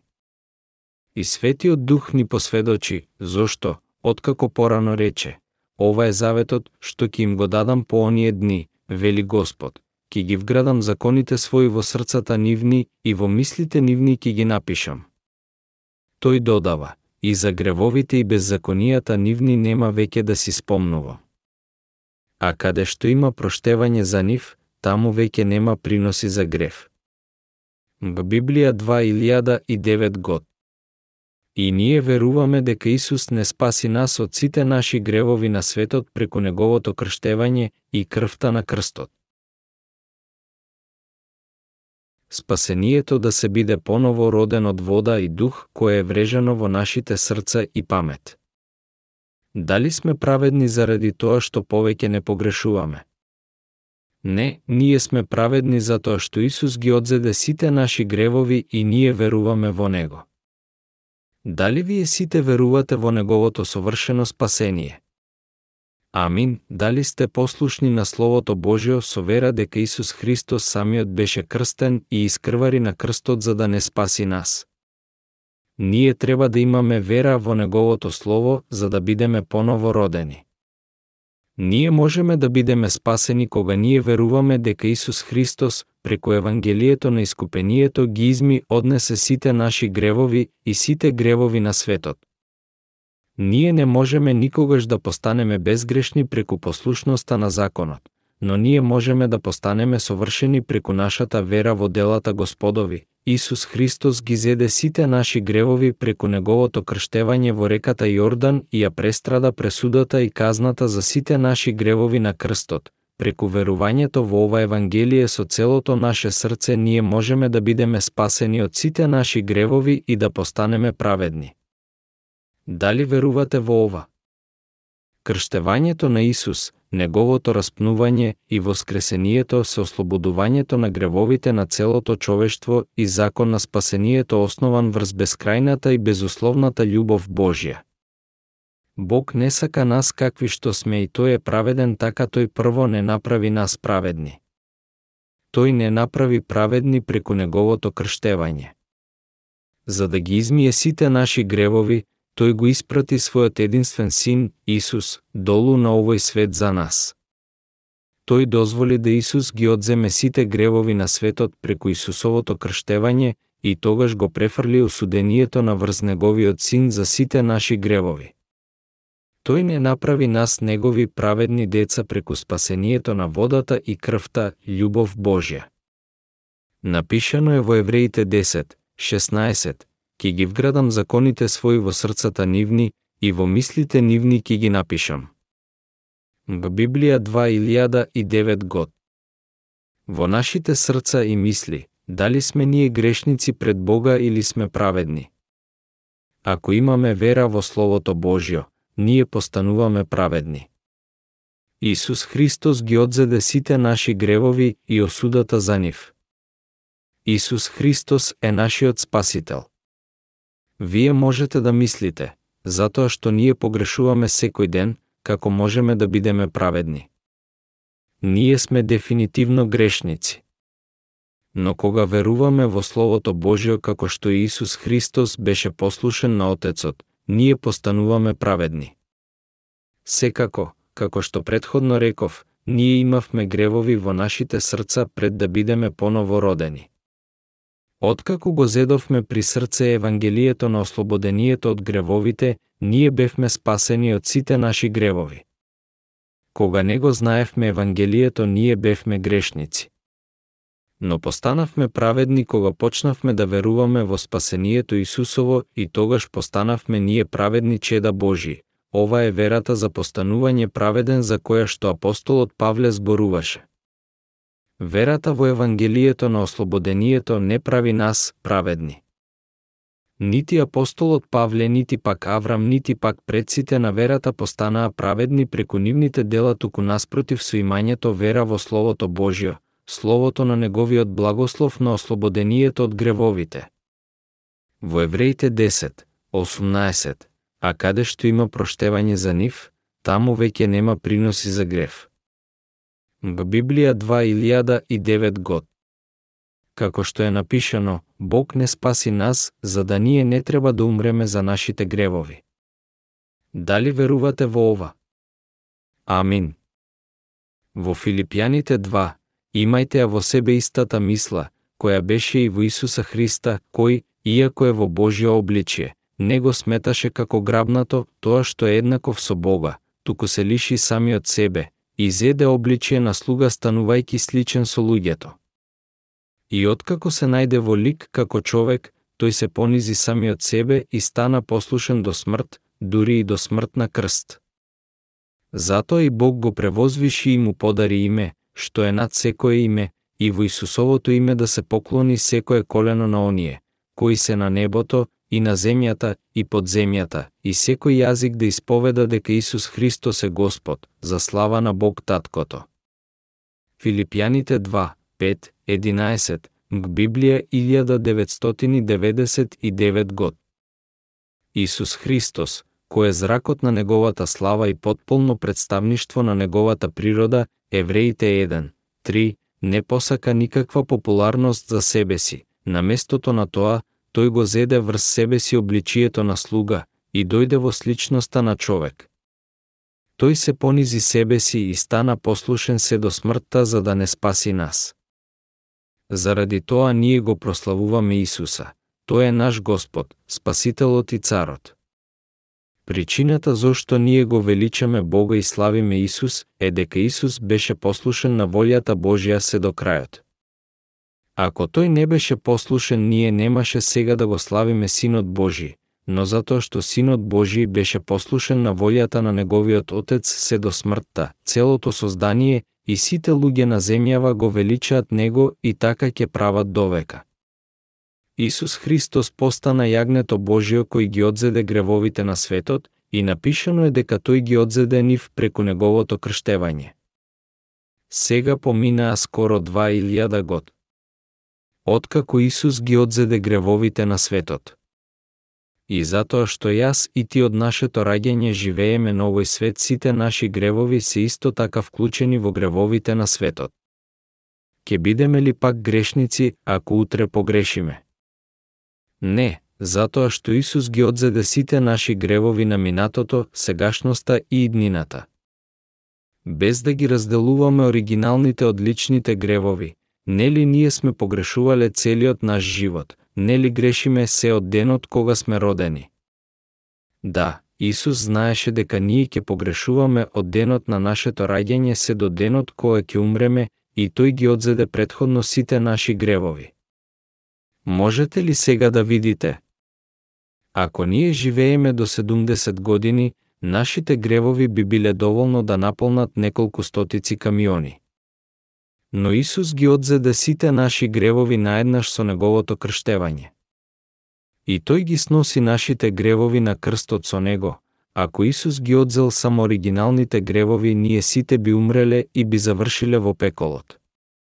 Дури и ако чувствуваме дека тој не би можел да ги одземе сите наши гревови, тоа никогаш не би го променило фактот дека тој ги премавна сите наши гревови. Колку грев можеме ние да извршиме во овој свет? Сите гревови кои ги извршуваме се вклучени во гревовите на светот. Кога Исус му рече на Јован да го крсти, тоа е она што тој мислеше.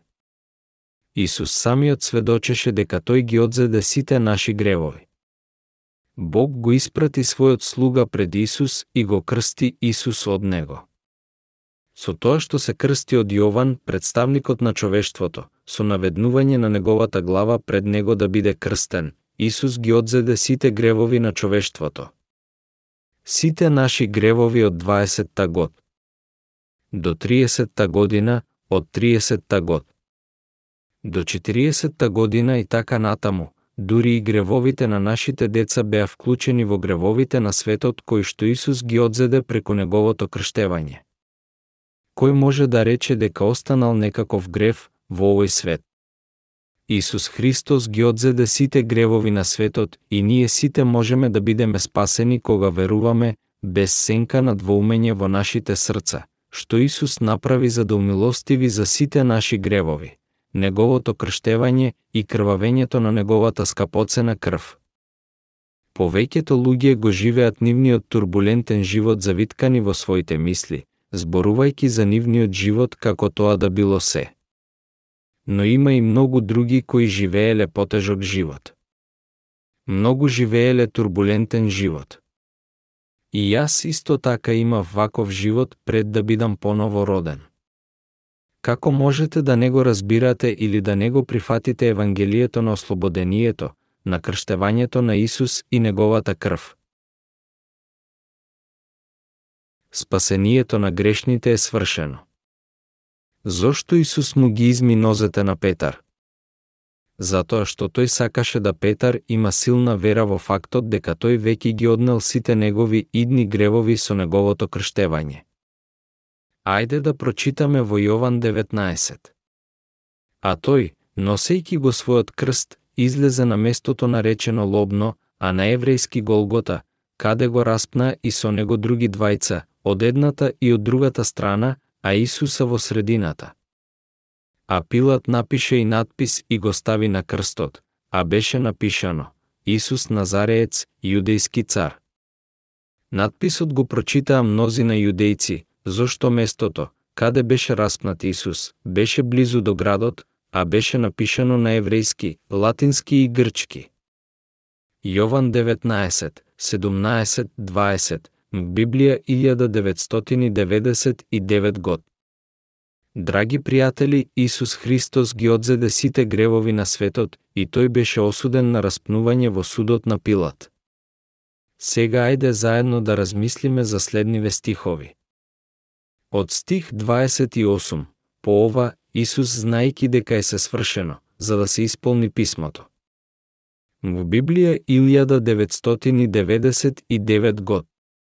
Исус ги одзеде сите наши гревови за да се исполни писмото, рече, жеден сум. Таму имаше сад, полн со оцет, тогаш закачија на трска сунгер наквасен во оцетот и му поднесоа до неговата уста. Штом Исус го прими оцетот, рече, се сврши, па ја наведна главата и го предаде духот.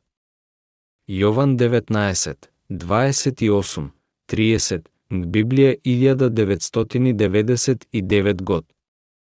Исус рече, се сврши, и тогаш умре на крстот, после три дена тој воскресна од смртта и се вознесе на небесата. Крштевањето на Исус од Јован Крстител и неговата смрт се необходно поврзани едно со друго. Едното нема причина за постоење без другото. Заради тоа да го славиме Господа Исуса за тоа што не спаси нас со неговото евангелие на ослободение.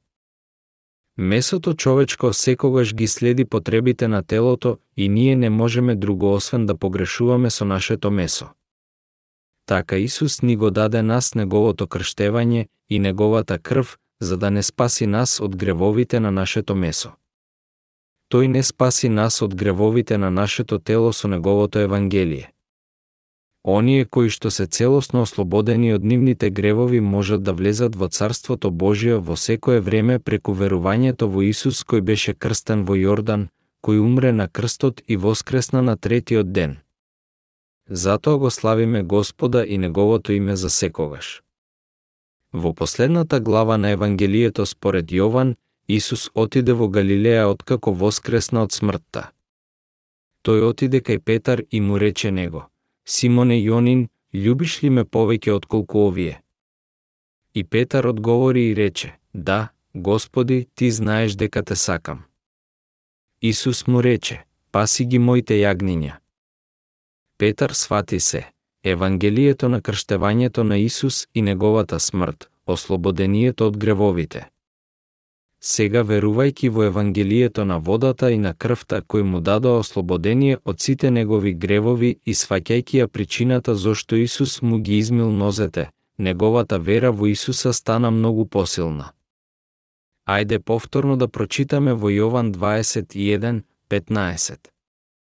А кога завршија со појадокот Исус му рече на Симона Петра: Симоне Јонин, љубиш ли ме повеќе отколку овие? Тој му рече: да Господи, ти знаеш дека те сакам. Му рече, паси ги моите јагниња. Во Библија 1999 год. Тој можеше да му ги довери неговите јаганца на Петар, затоа што Петар беше негов ученик кој беше целосно спасен и затоа што Петар постана праведен и совршен слуга Божи. Ако Петар беше пак паднал како грешник заради неговите секојдневни гревови, Исус немаше да му рече него да го проповеда Евангелието на искупението на гревовите, затоа што тој вклучувајќи ги и другите ученици не можеа друго освен да погрешуваат секој ден во месото. Но Исус им рече да го проповедаат Евангелието кој ги премавна сите нивни гревови, затоа што тие веруваа во крштевањето на Исус и неговата крв на крстот, Евангелието на умилостивението на гревовите. Господи, Ти знаеше дека те сакам.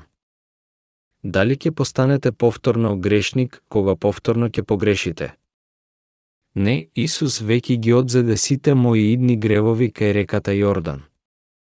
Ајде да размислиме за зборовите Исусови кон Петар. Симоне, Јонин, љубиш ли ме повеќе отколку овие? Да, Господи, ти знаеш дека те сакам. Неговата исповед на љубовта е вистинска излегувајки како од вера во Евангелието на умилостивението за сите гревови.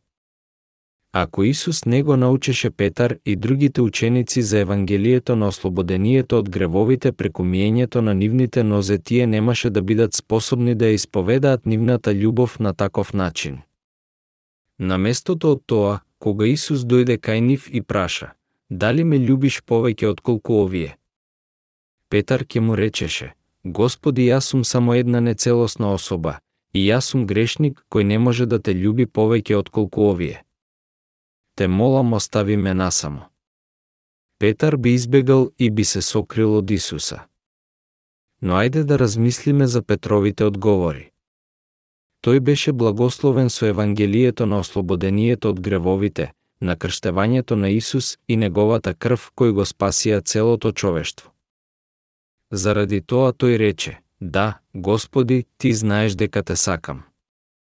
Оваа исповеда на љубовта излезе од неговата вера во Евангелието на ослободението на Исус. Петар веруваше во вистинското Евангелие ослободението од гревовите, преку кој Исус ги одзеде сите гревови на светот, дури и гревовите на иднината за кои луѓето се сврзани да ги извршат заради нивната нецелосност и слабост на нивното месо тело затоа што Петар веруваше цврсто во Евангелието на ослободението од гревовите и затоа што тој веруваше дека Исус беше Божјото јагне, тој беше способен да му одговори на Господа без никакво двоумење.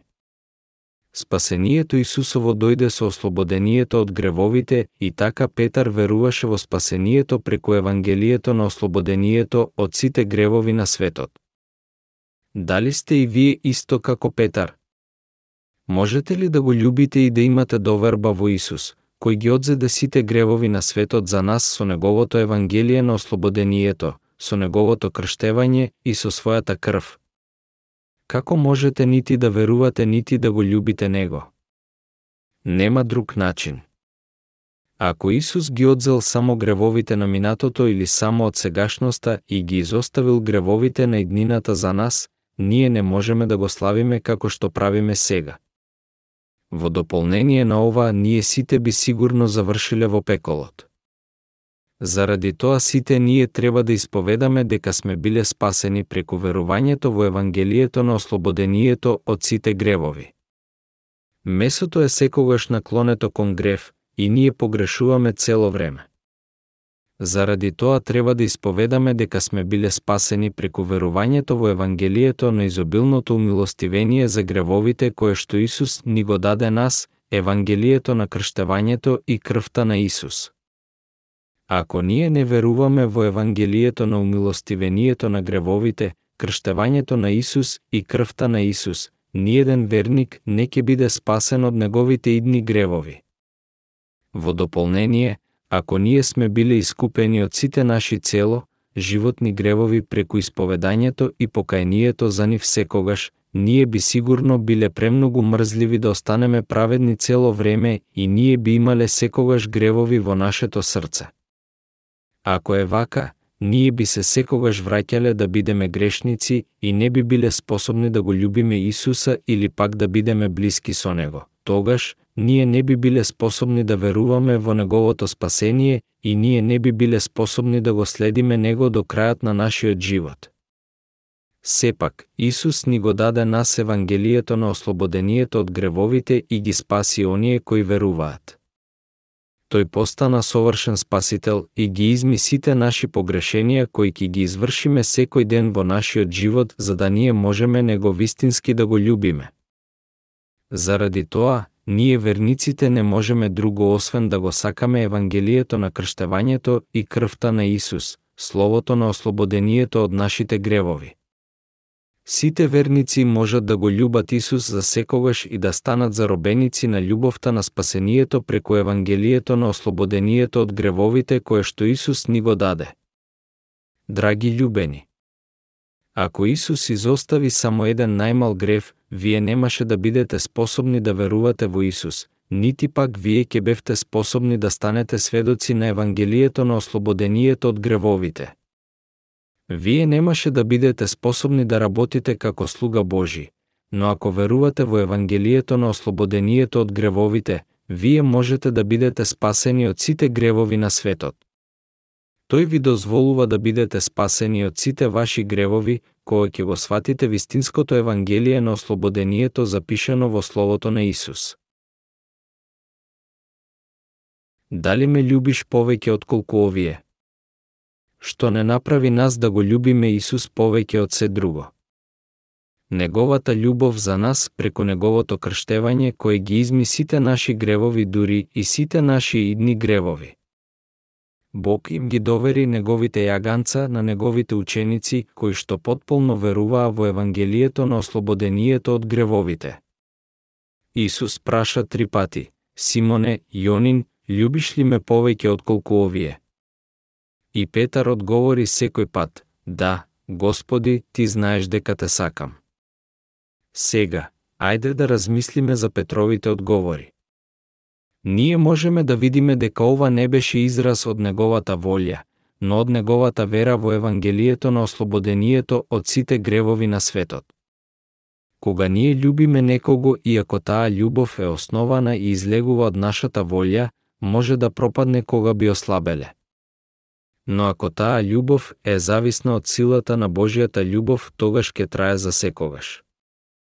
Божијата љубов, наречена изобилното умилостивение за сите наши гревови, спасението на водата на Исусовото крштевање и духот, е таква. Нашата вера во Евангелието на ослободението од гревовите на светот мора да постане основа за нашите работи за Господа и нашата љубов за Него. Ако ние го сакаме Него само со нашата волја, ние би се сопнале утре и би завршиле мразејки се себе си заради нашите беззаконија. Сепак, Исус ги однесе сите наши гревови, оригиналните гревови, нашите секојдневни гревови на минатото, денешните и утрешните и сите гревови од целиот наш живот. Тој не изостави ниту еден од лицето на земјата од неговото спасение. Сето ова е вистина. Ако нашата љубов и вера зависат од нашата волја и резолуција, ние би пропаднале во нашата вера но затоа што нашата вера и љубов зависат од Евангелието на ослободението кој што Исус ни ги даде, ние сме веќе чеда Божи, праведните. Затоа што ние веруваме во спасението на водата и духот ние сме без грев. Со должност на фактот дека нашето спасение дојде не од нашата светост во себе си, туку преку љубовта од Бога, со други зборови, преку неговиот закон на вистинското спасение преку ослободението од нашите гревови, ние сме праведни без разлика колку нецелосни или слаби ние во реалниот живот сме. Ние ќе влеземе во Царството Божјо и на крај ќе го славиме Бога во вечноста. Дали верувате во ова? Во 1 Јован 4, 10 стои, љубовта е во ова, не дека ние сме го возлюбиле Бога, туку тој им возлюби нас и го испрати својот син како жртва помирница за нашите гревови. Во Библија 1999 год. Исус не спаси нас со водата и духот за да ние имаме вера во Евангелието на ослободението, крштевањето на Исус и неговата крв. Ако Бог не не спасил нас со Евангелието на ослободението од гревовите, ние немаше да бидеме спасени без разлика колку усрдно ние сме верувале. Но Исус ги очисти сите гревови кои ги извршуваме во нашите срца и со нашето месо. Со цел да ние постанеме праведни, ние мораме да бидеме сигурни за нашето спасение преку вера во Словото на водата и на Духот, Евангелието на умилостивението. Евангелието на ослободението од сите гревови на светот е составено од крштевањето на Исус и неговата крв. Евангелието на оправданието е содржина на вистинската вера, вистинската основа на спасението и клучот да се влезе во Царството Божје. Ние треба да ја отфрлиме верата од нашата собствена волја. Од каде доаѓа вистинска вера? Доаѓа од љубовта Божја кој веќе ги очисти дури и сите наши гревови на иднината. Верата или љубовта родена од собствената волја не е нити вистинска љубов, нити пак е вистинска вера. Има многу во овој свет кои прво веруваа во Исус со добра волја и покасно се откажаа од нивната вера, сите заедно, поради агонијата на грев во нивните срца. Но ние треба да знаеме дека Исус ги очисти сите гревови на светот, не само безначајните беззаконија, но исто и најголемите гревови кои се извршени заради непознавање незнаење. и во Јован 13, со цел да ги научи неговите ученици како се опфатно и постојано ефективно неговото евангелие беше, Исус ги собра заедно неговите ученици пред тој да биде распнат. Додека вечераше со неговите ученици, тој стана и им ги изми нозете за да ја вреже вистината на неговото изобилно спасение во нивните срца. Ние сите треба да знаеме и да веруваме во Евангелието на ослободението на кое Исус ги научи учениците со миењето на нивните нозе. Но Петар на прв изглед цврсто го одби Исус да му ги измие нозете. Ти никогаш нема да ми ги измиеш нозете. Ова е изразот на верата која се роди од собствената волја.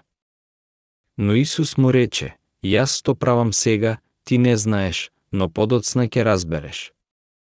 Сега, со Евангелието на водата и духот, ние можеме да ги разбереме зборовите во Библијата кои беа многу подалеку од нашето разбирање. Тоа е словото на вистината, Евангелието на водата и духот, ослободението од гревовите, кое му дозволува на грешник да постане праведен преку верувањето во тоа со целото негово срце. Петар отиде на риболов со другите ученици. Тие исто беа на риболов и пред да го сретнат Исуса. Тогаш тој се појави пред нив и ги повика. Исус беше спремал поручек за нив и додека поручуваа Петар го свати значењето на зборовите кои Исус ги зборуваше. Јас што правам сега, ти не знаеш, но подоцна ќе разбереш. Тој конечно разбра што Исус на вистина мислеше со предходното миење на неговите нозе. Господ ги очисти сите мои гревови. Сите гревови кои јас ги извршив заради мојата слабост, вклучувајќи ги исто така и сите гревови кои ќе ги извршам во иднина. Заради тоа Петар ја отфрли верата родена од неговата собствена волја и резолуција и почна да стои цврсто на крштевањето и на крвта на Исус, Евангелието на ослободувањето од гревовите. После појадокот Исус го праша Петара, Ljubиш ли ме повеќе од колку овие? И сега утврден со вера во љубовта Исусова, Петар исповеда, Да, Господи, ти знаеш дека те сакам. Петар можеше тоа да го рече, затоа што тој разбра што Исус мислеше кога тој рече, подоцна ќе разбереш. Сега тој можеше да ја исповеда неговата вистинска вера, верата во крштевањето и крвта на Исус, Евангелието на ослободението од гревовите. После тоа, тој постана вистински Божи служител. Како можете вие да постанете вистински Божи слуга? Со верувањето во неговото вечно ослободение за сите мои гревови. После тоа искуство, Петар и другите ученици го проповедаа Евангелието се до нивниот последен здив. Дури и Павле, кој ги беше прогонувал безмилосно христијаните, сведочеше за Евангелието за време на тешките денови на Римската империја. Помеѓу 12 ученици Исусови, Јуда го продаде Исуса и покасно се обеси себе си и апостолот Павле беше кој го зеде неговото место. Апостолите го избраа Матеја измеѓу себе си, но Павле беше оној кого Бог го одбра и Павле стана апостол Исусов и го проповедаше Евангелието на ослободението од гревовите со другите ученици на Исус, многу од учениците умреа како маченици. Дури и кога беа заканувани со смрт, тие не се одрекоа од нивната вера и продолжија да го проповедаат Евангелието. Тие може би проповедаа вака, Исус Христос ги очисти сите гревови на вашето тело со неговото крштевање и крвта, тоа е, со неговото Евангелие на ослободението од гревовите. Исус ги одзеде вашите гревови со неговото крштевање во реката Јордан и ја сноси осудата за вас на крстот. Верувајте во Евангелието на Исусовото крштевање и неговата крв на крстот и бидете спасени. Многу беа на вистина спасени преку слушањето на оригиналното Евангелие и верувањето во него. Тоа беше силата на верата во Евангелието на крштевањето на Исус, неговата крв и духот. Учениците го проповедаа Евангелието на водата и духот. Исус е Бог и Спасител. Заради тоа што тие сведоча за Евангелието на водата и духот ти и јас сега можеме да слушнеме за Евангелието на крштавањето и крвта на Исус, како за наше спасени и да бидеме спасени од грев.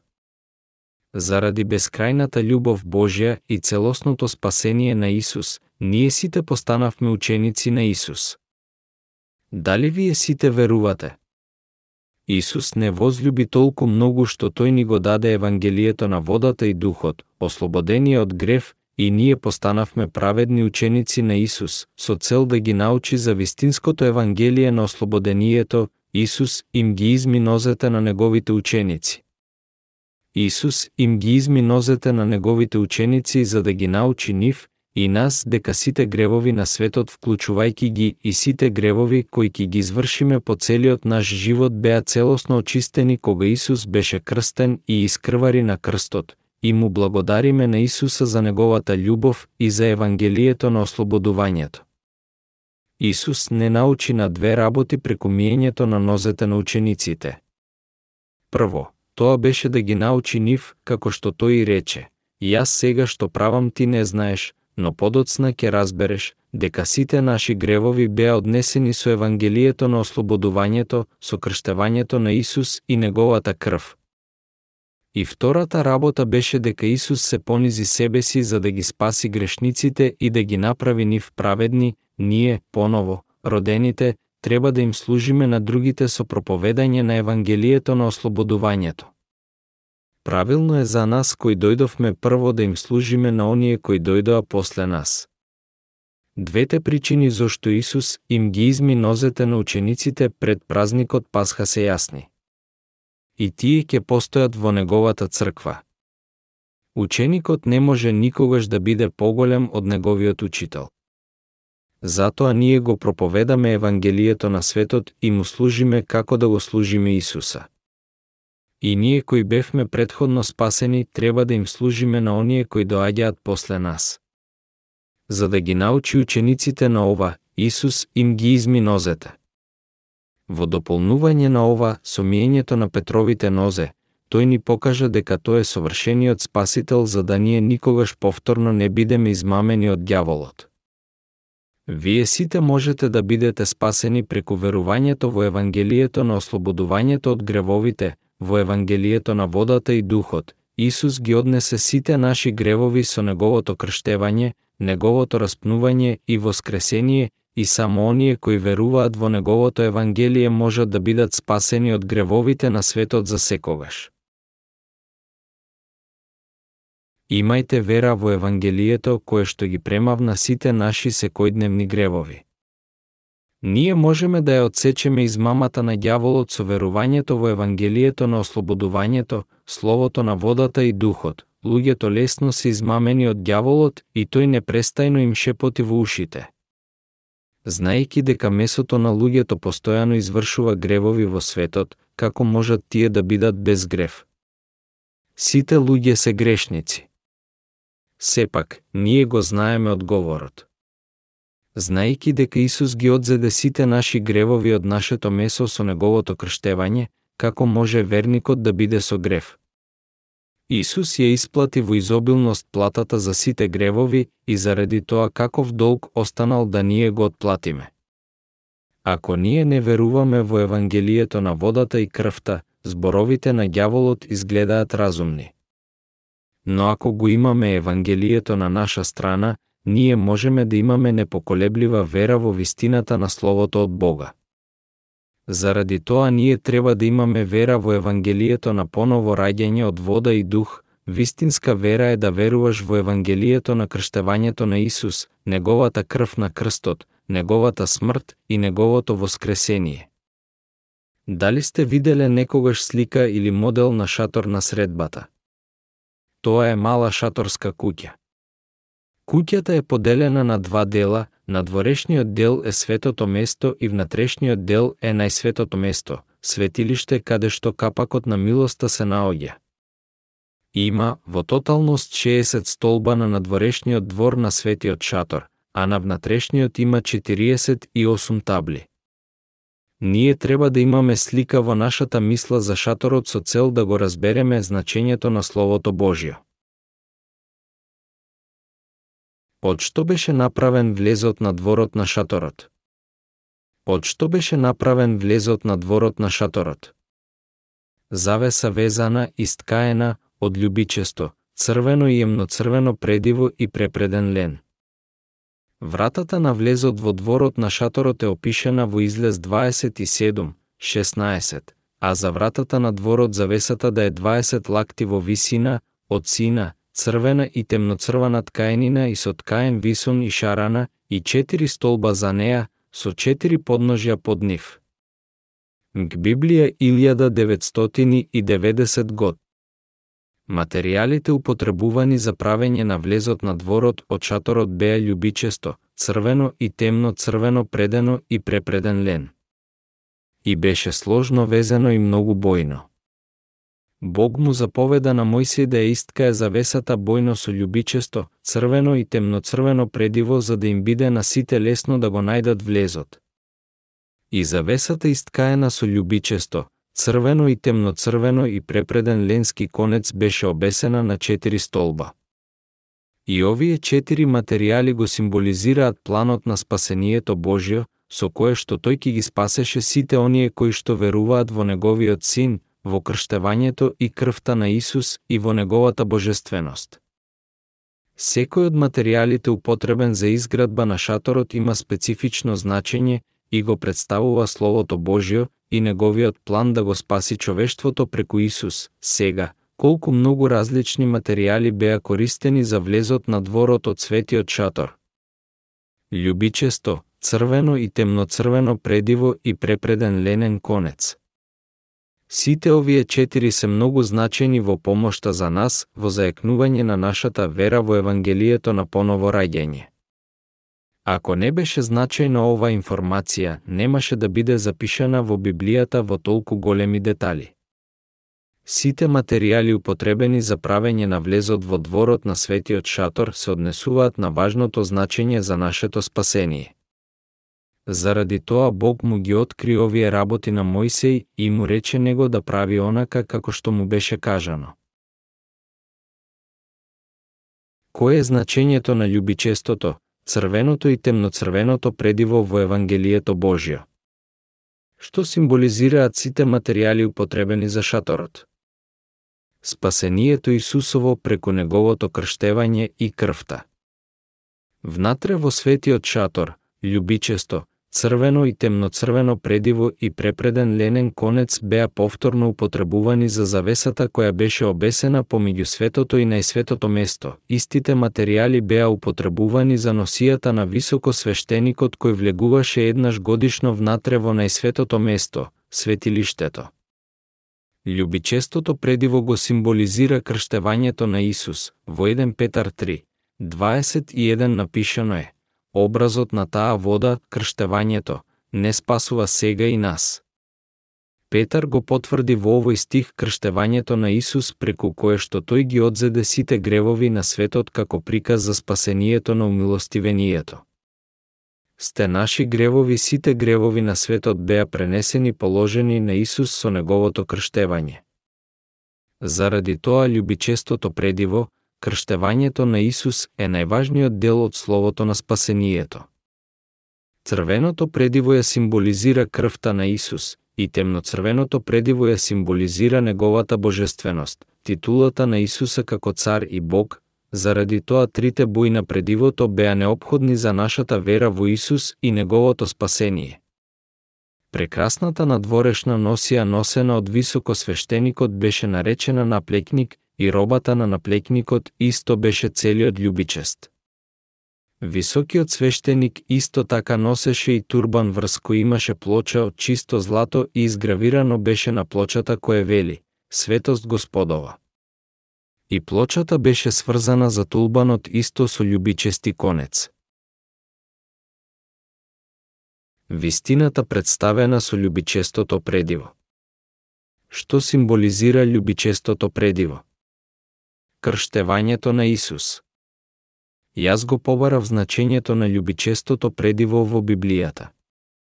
Што вели Библијата за љубичесто сино? Ние треба да го разбереме љубичестото измеѓу црвено и темноцрвеното предиво. Љубичесто предиво значи водата, тоа е крштевањето на Исус. Исус Христос беше крстен од Јован Крстител за да ги одземе сите гревови на светот. Матеја 3, 15. Ако Исус не ги одземеше гревовите на светот со неговото крштевање, ние не можеше да постанеме осветени пред Бога.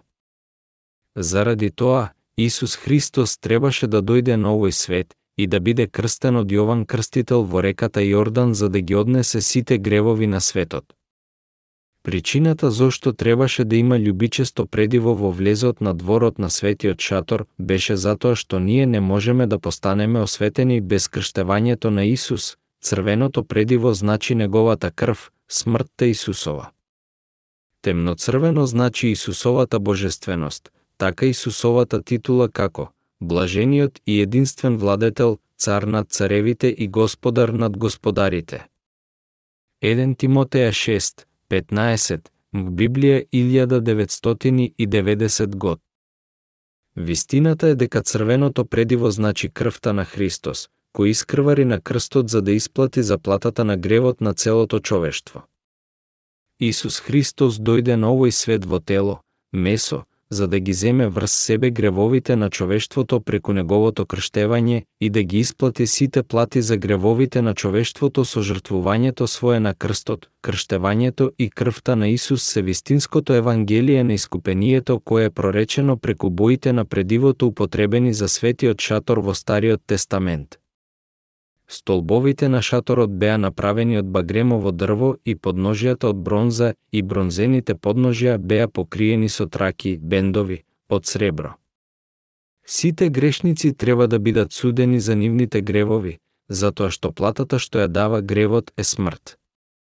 Пред некој да биде благословен од Бога да добие нов живот, тој требаше да принесе жртва да биде заколена за неговите гревови во времето на Стариот Тестамент.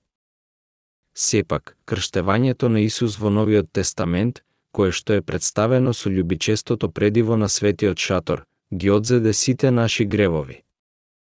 Исус ги однесе нашите гревови на крстот, искрвари и беше осуден за нив, и со извршувањето на ова тој не спаси сите нас кои што имаме вера во Евангелието на искупението.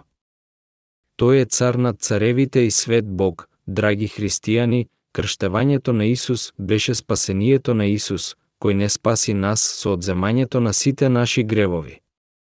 Исус, кој е Бог, дојде долу на земјава во телото, темноцрвено предиво, тој беше крстен за да ги одземе сите гревови на светот, љубичестото предиво, тој беше распнат и искрвари на крстот за да го прими осудението на нашето место, црвеното предиво. Крштевањето на Исус ни кажува без никакво двоумење дека тој постана вистинскиот спасител за сите луѓе. Ние исто така можеме тоа да го видиме во боите кои беа употребени за изработка на влезот на светиот шаторот. Да биде платното од влезот на шаторот сошиено со љубичесто, црвено и темноцрвено предиво во препреден ленски конец ни кажува нас јасно за вистината на спасението Божјо, Препредениот ленски конец овде значи дека тој не спаси нас сите без никаков исклучок од сите гревови на светот. Тоа е најважното на спасението на умилостивението. Ние можеме да видиме според истите материјали употребувани за влезот на светиот шатор дека Исус Христос не не спаси нас грешните така несмислено, без планирање. Тој беше послушен на Божиот внимателно деталиран план, беше крстен и распнат тогаш воскресна од смртта за да го исполни спасението на човештвото. Со љубичесто, црвено и темно црвено предиво, материјалите на Евангелието на умилостивението, Исус не спаси сите нас кои веруваме во Неговото спасение. Бронзениот умивалник од Стариот Тестамент беше сенка на крштевањето во Новиот Тестамент.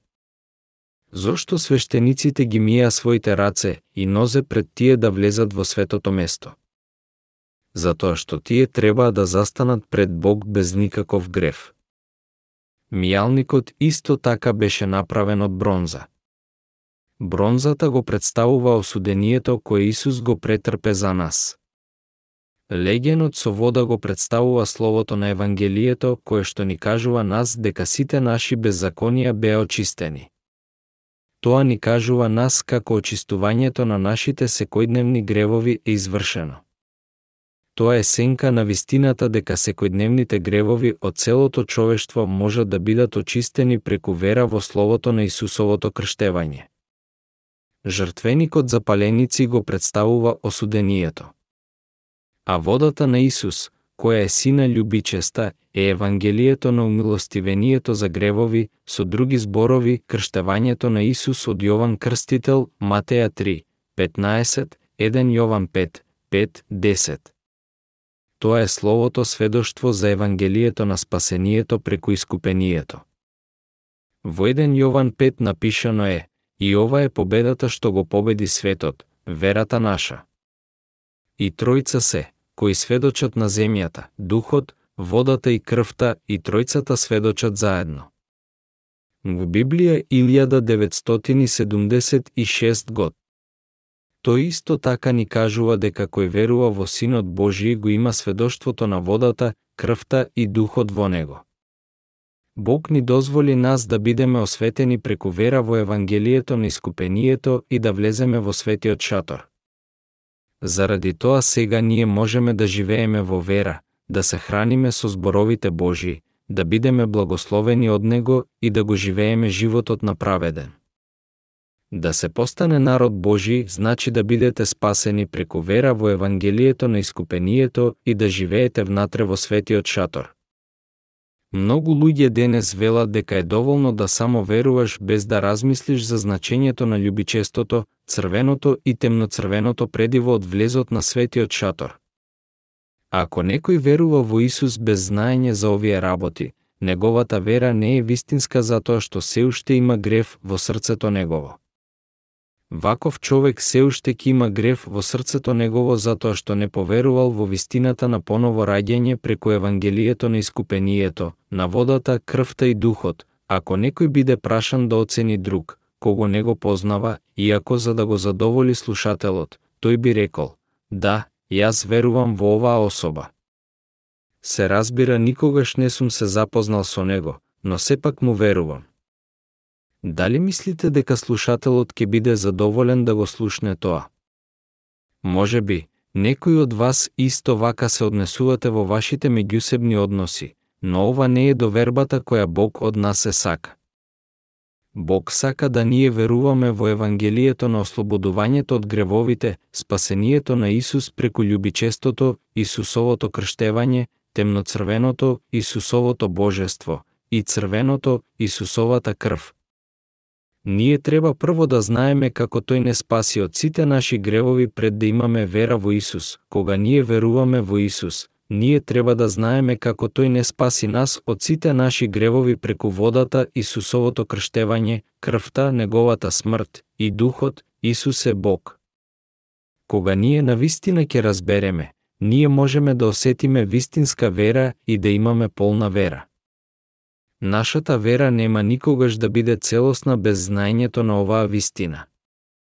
Вистинска вера доаѓа само преку сваќањето на сведоштвото за Исусовото спасение, Евангелието на ослободувањето и за Исус како вистински спасител на човештвото. Како изгледа тогаш верата која се исмејува на Исус? Ајде да видиме. Верата која го исмејава Исуса. Што е најпотребно за вера? Правилно знаење за Исусовото крштевање. Вие треба да знаете дека своеволното, случајно, верување во Исус е исто како да го исмејувате Него, ако мислите, тешко ми е да верувам, но ако тој е Бог и ако е тој Син Божи јас како и да е би морал а да верувам во Него, тогаш вие му се исмејувате на Исус. Ако вие на вистина сакате да бидете поново родени, вие треба да верувате во крштевањето и крвта на Исус, во Евангелието на искупението. Верувањето во Исус без знаење за Евангелието на искупението е полошо од неверувањето во Него.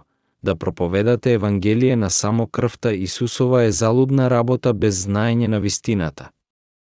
Исус не сака некој да се шета наоколу проповедајки да своеволно, случајно, верува во Исуса или пак да има вера во Него без причина.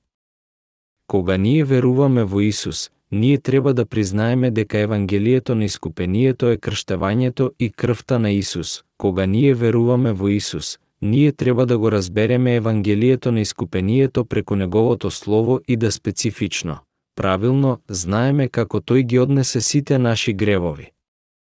Ние исто така треба да знаеме на што се однесуваат љубичестото, црвеното и темноцрвеното предиво од влезот на светиот шатор. Тогаш ние ќе имаме вистинска вера која ќе трае довека. Ние никогаш не можеме да бидеме поново родени без вера во Исуса, исполнувањето на љубичестото, црвеното и темноцрвеното предиво. Што правеа свештениците пред да влезат во светото место? Тие ги миеа рацете и нозете со водата од бронзениот мијалник. Господ наш, Исус, не спаси. Ние не можеме друго освен да го славиме Господа кога ќе видиме колку совршено тој не спаси нас. Ние треба да погледнеме на светиот шатор. Тој ни го даде словото на Евангелието на искупението преку љубичестото, црвеното и темноцрвеното предиво од светиот шатор и не спаси нас со нив. Ние му благодариме и го славиме Господа. Грешниците не можеа да влезат во светото место пред прво да поминат преку страшно осудение. Како може еден да влезе во светото место без да биде осуден за неговите гревови? Ова би било невозможно. Ако ваква личност би влегла во забранетото место, тој таа би биле веднаш и тука убиени. Тоа би било тешко проклетство. Грешникот не може нити да влезе во светото место, нити пак да очекува да таму живее. Нашиот Господ не спаси нас преку тајната скриена во влезот на светиот шатор. Со љубичестото, црвеното и темноцрвеното предиво и препредениот линеен конец, тој не спаси нас. И тој ни ја кажа нас тајната на неговото спасение преку овие работи. Бевме ти и јас спасени на таков начин. Ако ние не веруваме во зборовите на љубичестото, црвеното и темноцрвеното предиво, не би имало спасение преку Евангелието на искупението. Бојата љубичеста сина не значи Бог, таа не значи ништо друго освен крштевањето на Исус, таа значи крштевањето на Исус кој ги одзеде сите наши гревови. Некој може да влезе се до жртвеникот за паленици без верување во љубичестото предиво. Меѓутоа, тој не може да влезе во светото место каде што Бог престојува. Заради тоа, пред да поминеме кај влезот на светиот шатор, ние треба да веруваме во љубичестото предиво, крштевањето на Исус, црвеното предиво, неговата крв на крстот и темноцрвеното предиво, Исус е Бог и Синот Божи.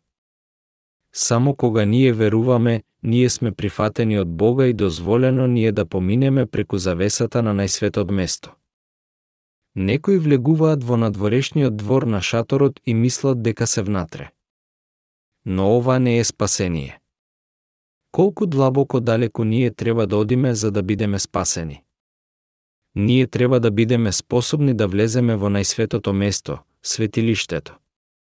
Со цел да влеземе во најсветото место, ние треба да помине покрај бронзениот мијалник.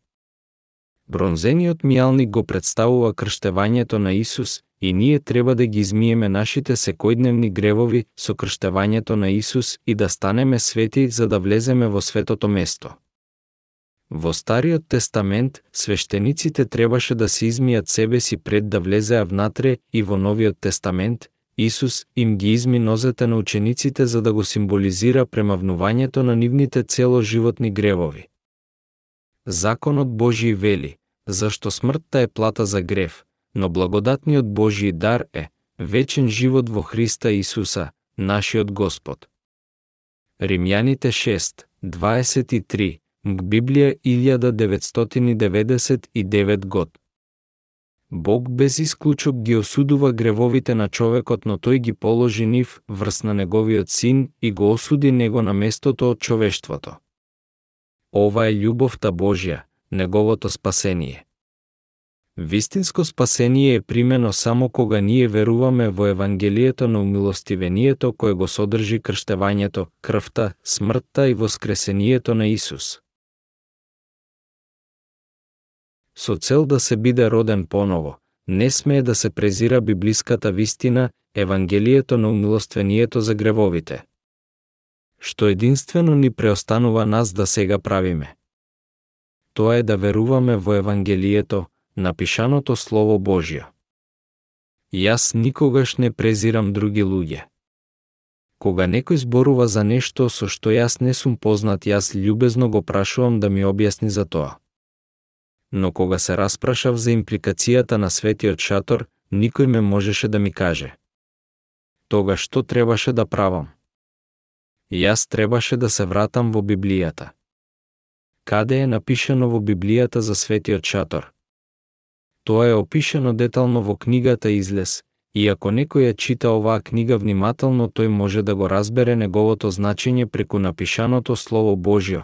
Драги пријатели, вие не можете да бидете спасени преку некаквото несовесно верување во Исус. Вие не можете да бидете поново родени само преку верно одењето в црква. Ние знаеме дека Исус му рече на Никодим, вистина, вистина ти велам. Ако некој не се роди од вода и дух, не може да влезе во Царството Божие. Ти си учител Израилев, па тоа ли не го знаеш? Јован 3, 5, 10, в Библија 1976 год. Сите оние кои веруваат во Исус треба да веруваат во љубичестото предиво. Сите гревови на светот беа пренесени положени на врз Исус кога тој беше крстен, црвеното предиво, смртта на Исус за сите наши гревови и темноцрвеното предиво. Исус е Спасител, Бог и Синот Божи. Ние треба да веруваме дека Исус е Спасителот на сите грешници на светот. Без оваа вера, никој не може да биде поново роден, нити пак може да влезе во светото место на Царството Божјо. Ниеден не може да живее верно на овој свет без тоа. Без тоа би било лесно ако некој би можел да се поново роди само преку верувањето во Исус. Да, ти веќе си спасен, јас веќе сум спасен. Ние сме веќе спасени. Колку убаво! Но има толку многу кои веруваат во Исус без да се навистина поново родени. Ние треба да ја знаеме вистината во Библијата, исто така треба да имаме вера во Исус, ние треба да го знаеме Евангелието на ослободувањето од гревовите запишано во Библијата и за значењето на љубичестото, црвеното и темноцрвеното предиво со цел да влеземе во светиот шатор и да бидеме со Бога во областа на верата. Внатре, во шаторот на верата, ние можеме радосно да живееме се додека Исус пак дојде да не однесе нас во Неговото царство. Значајно, суштинско, е за нас да веруваме правилно во Исус. Оригиналното Евангелие роди осветување со љубичестото предиво. Која е необходна состојка за нашето спасение, освен крстот на Исус? Исусовото крштевање. Луѓето мислат дека тие можат да живеат совршено без да направат било каква грешка. Меѓутоа, колку посилно се обидуваат да прават добро, толку побрзо ќе ги откријат своите недостатоци и невозможно е за нив да не грешат.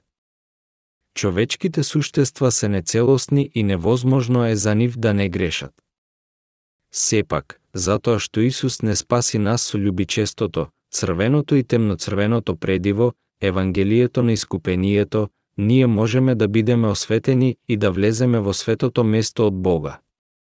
Ако Бог не не спасеше со љубичестото, црвеното и темноцрвеното предиво, ние самите од себе никогаш не би биле способни да влеземе во светото место. Која е причината за ова?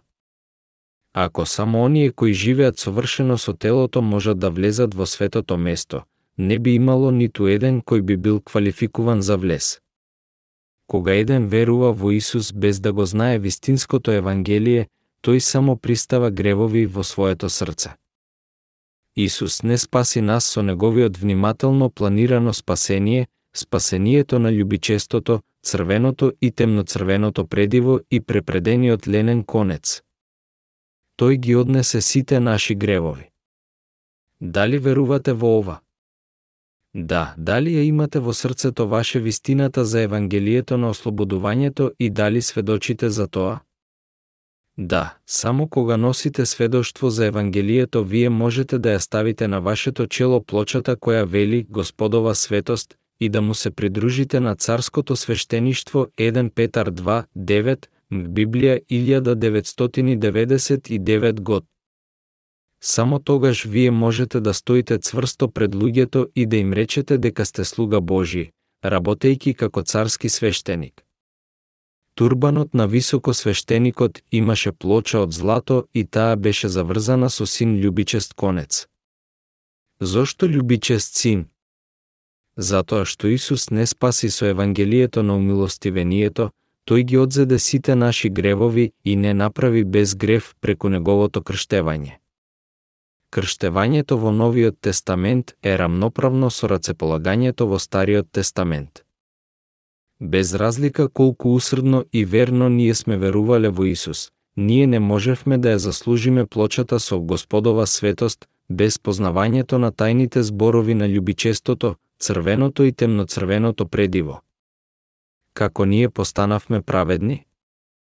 Напишано е во Матеја 3, 15, зошто така ни прилега да ја исполниме сета правда. Во Библија 1999 год. Исус беше крстен и не спаси нас од сите наши гревови од светот. Затоа што тој беше крстен и ги однесе сите наши гревови, ние верниците постанавме праведни.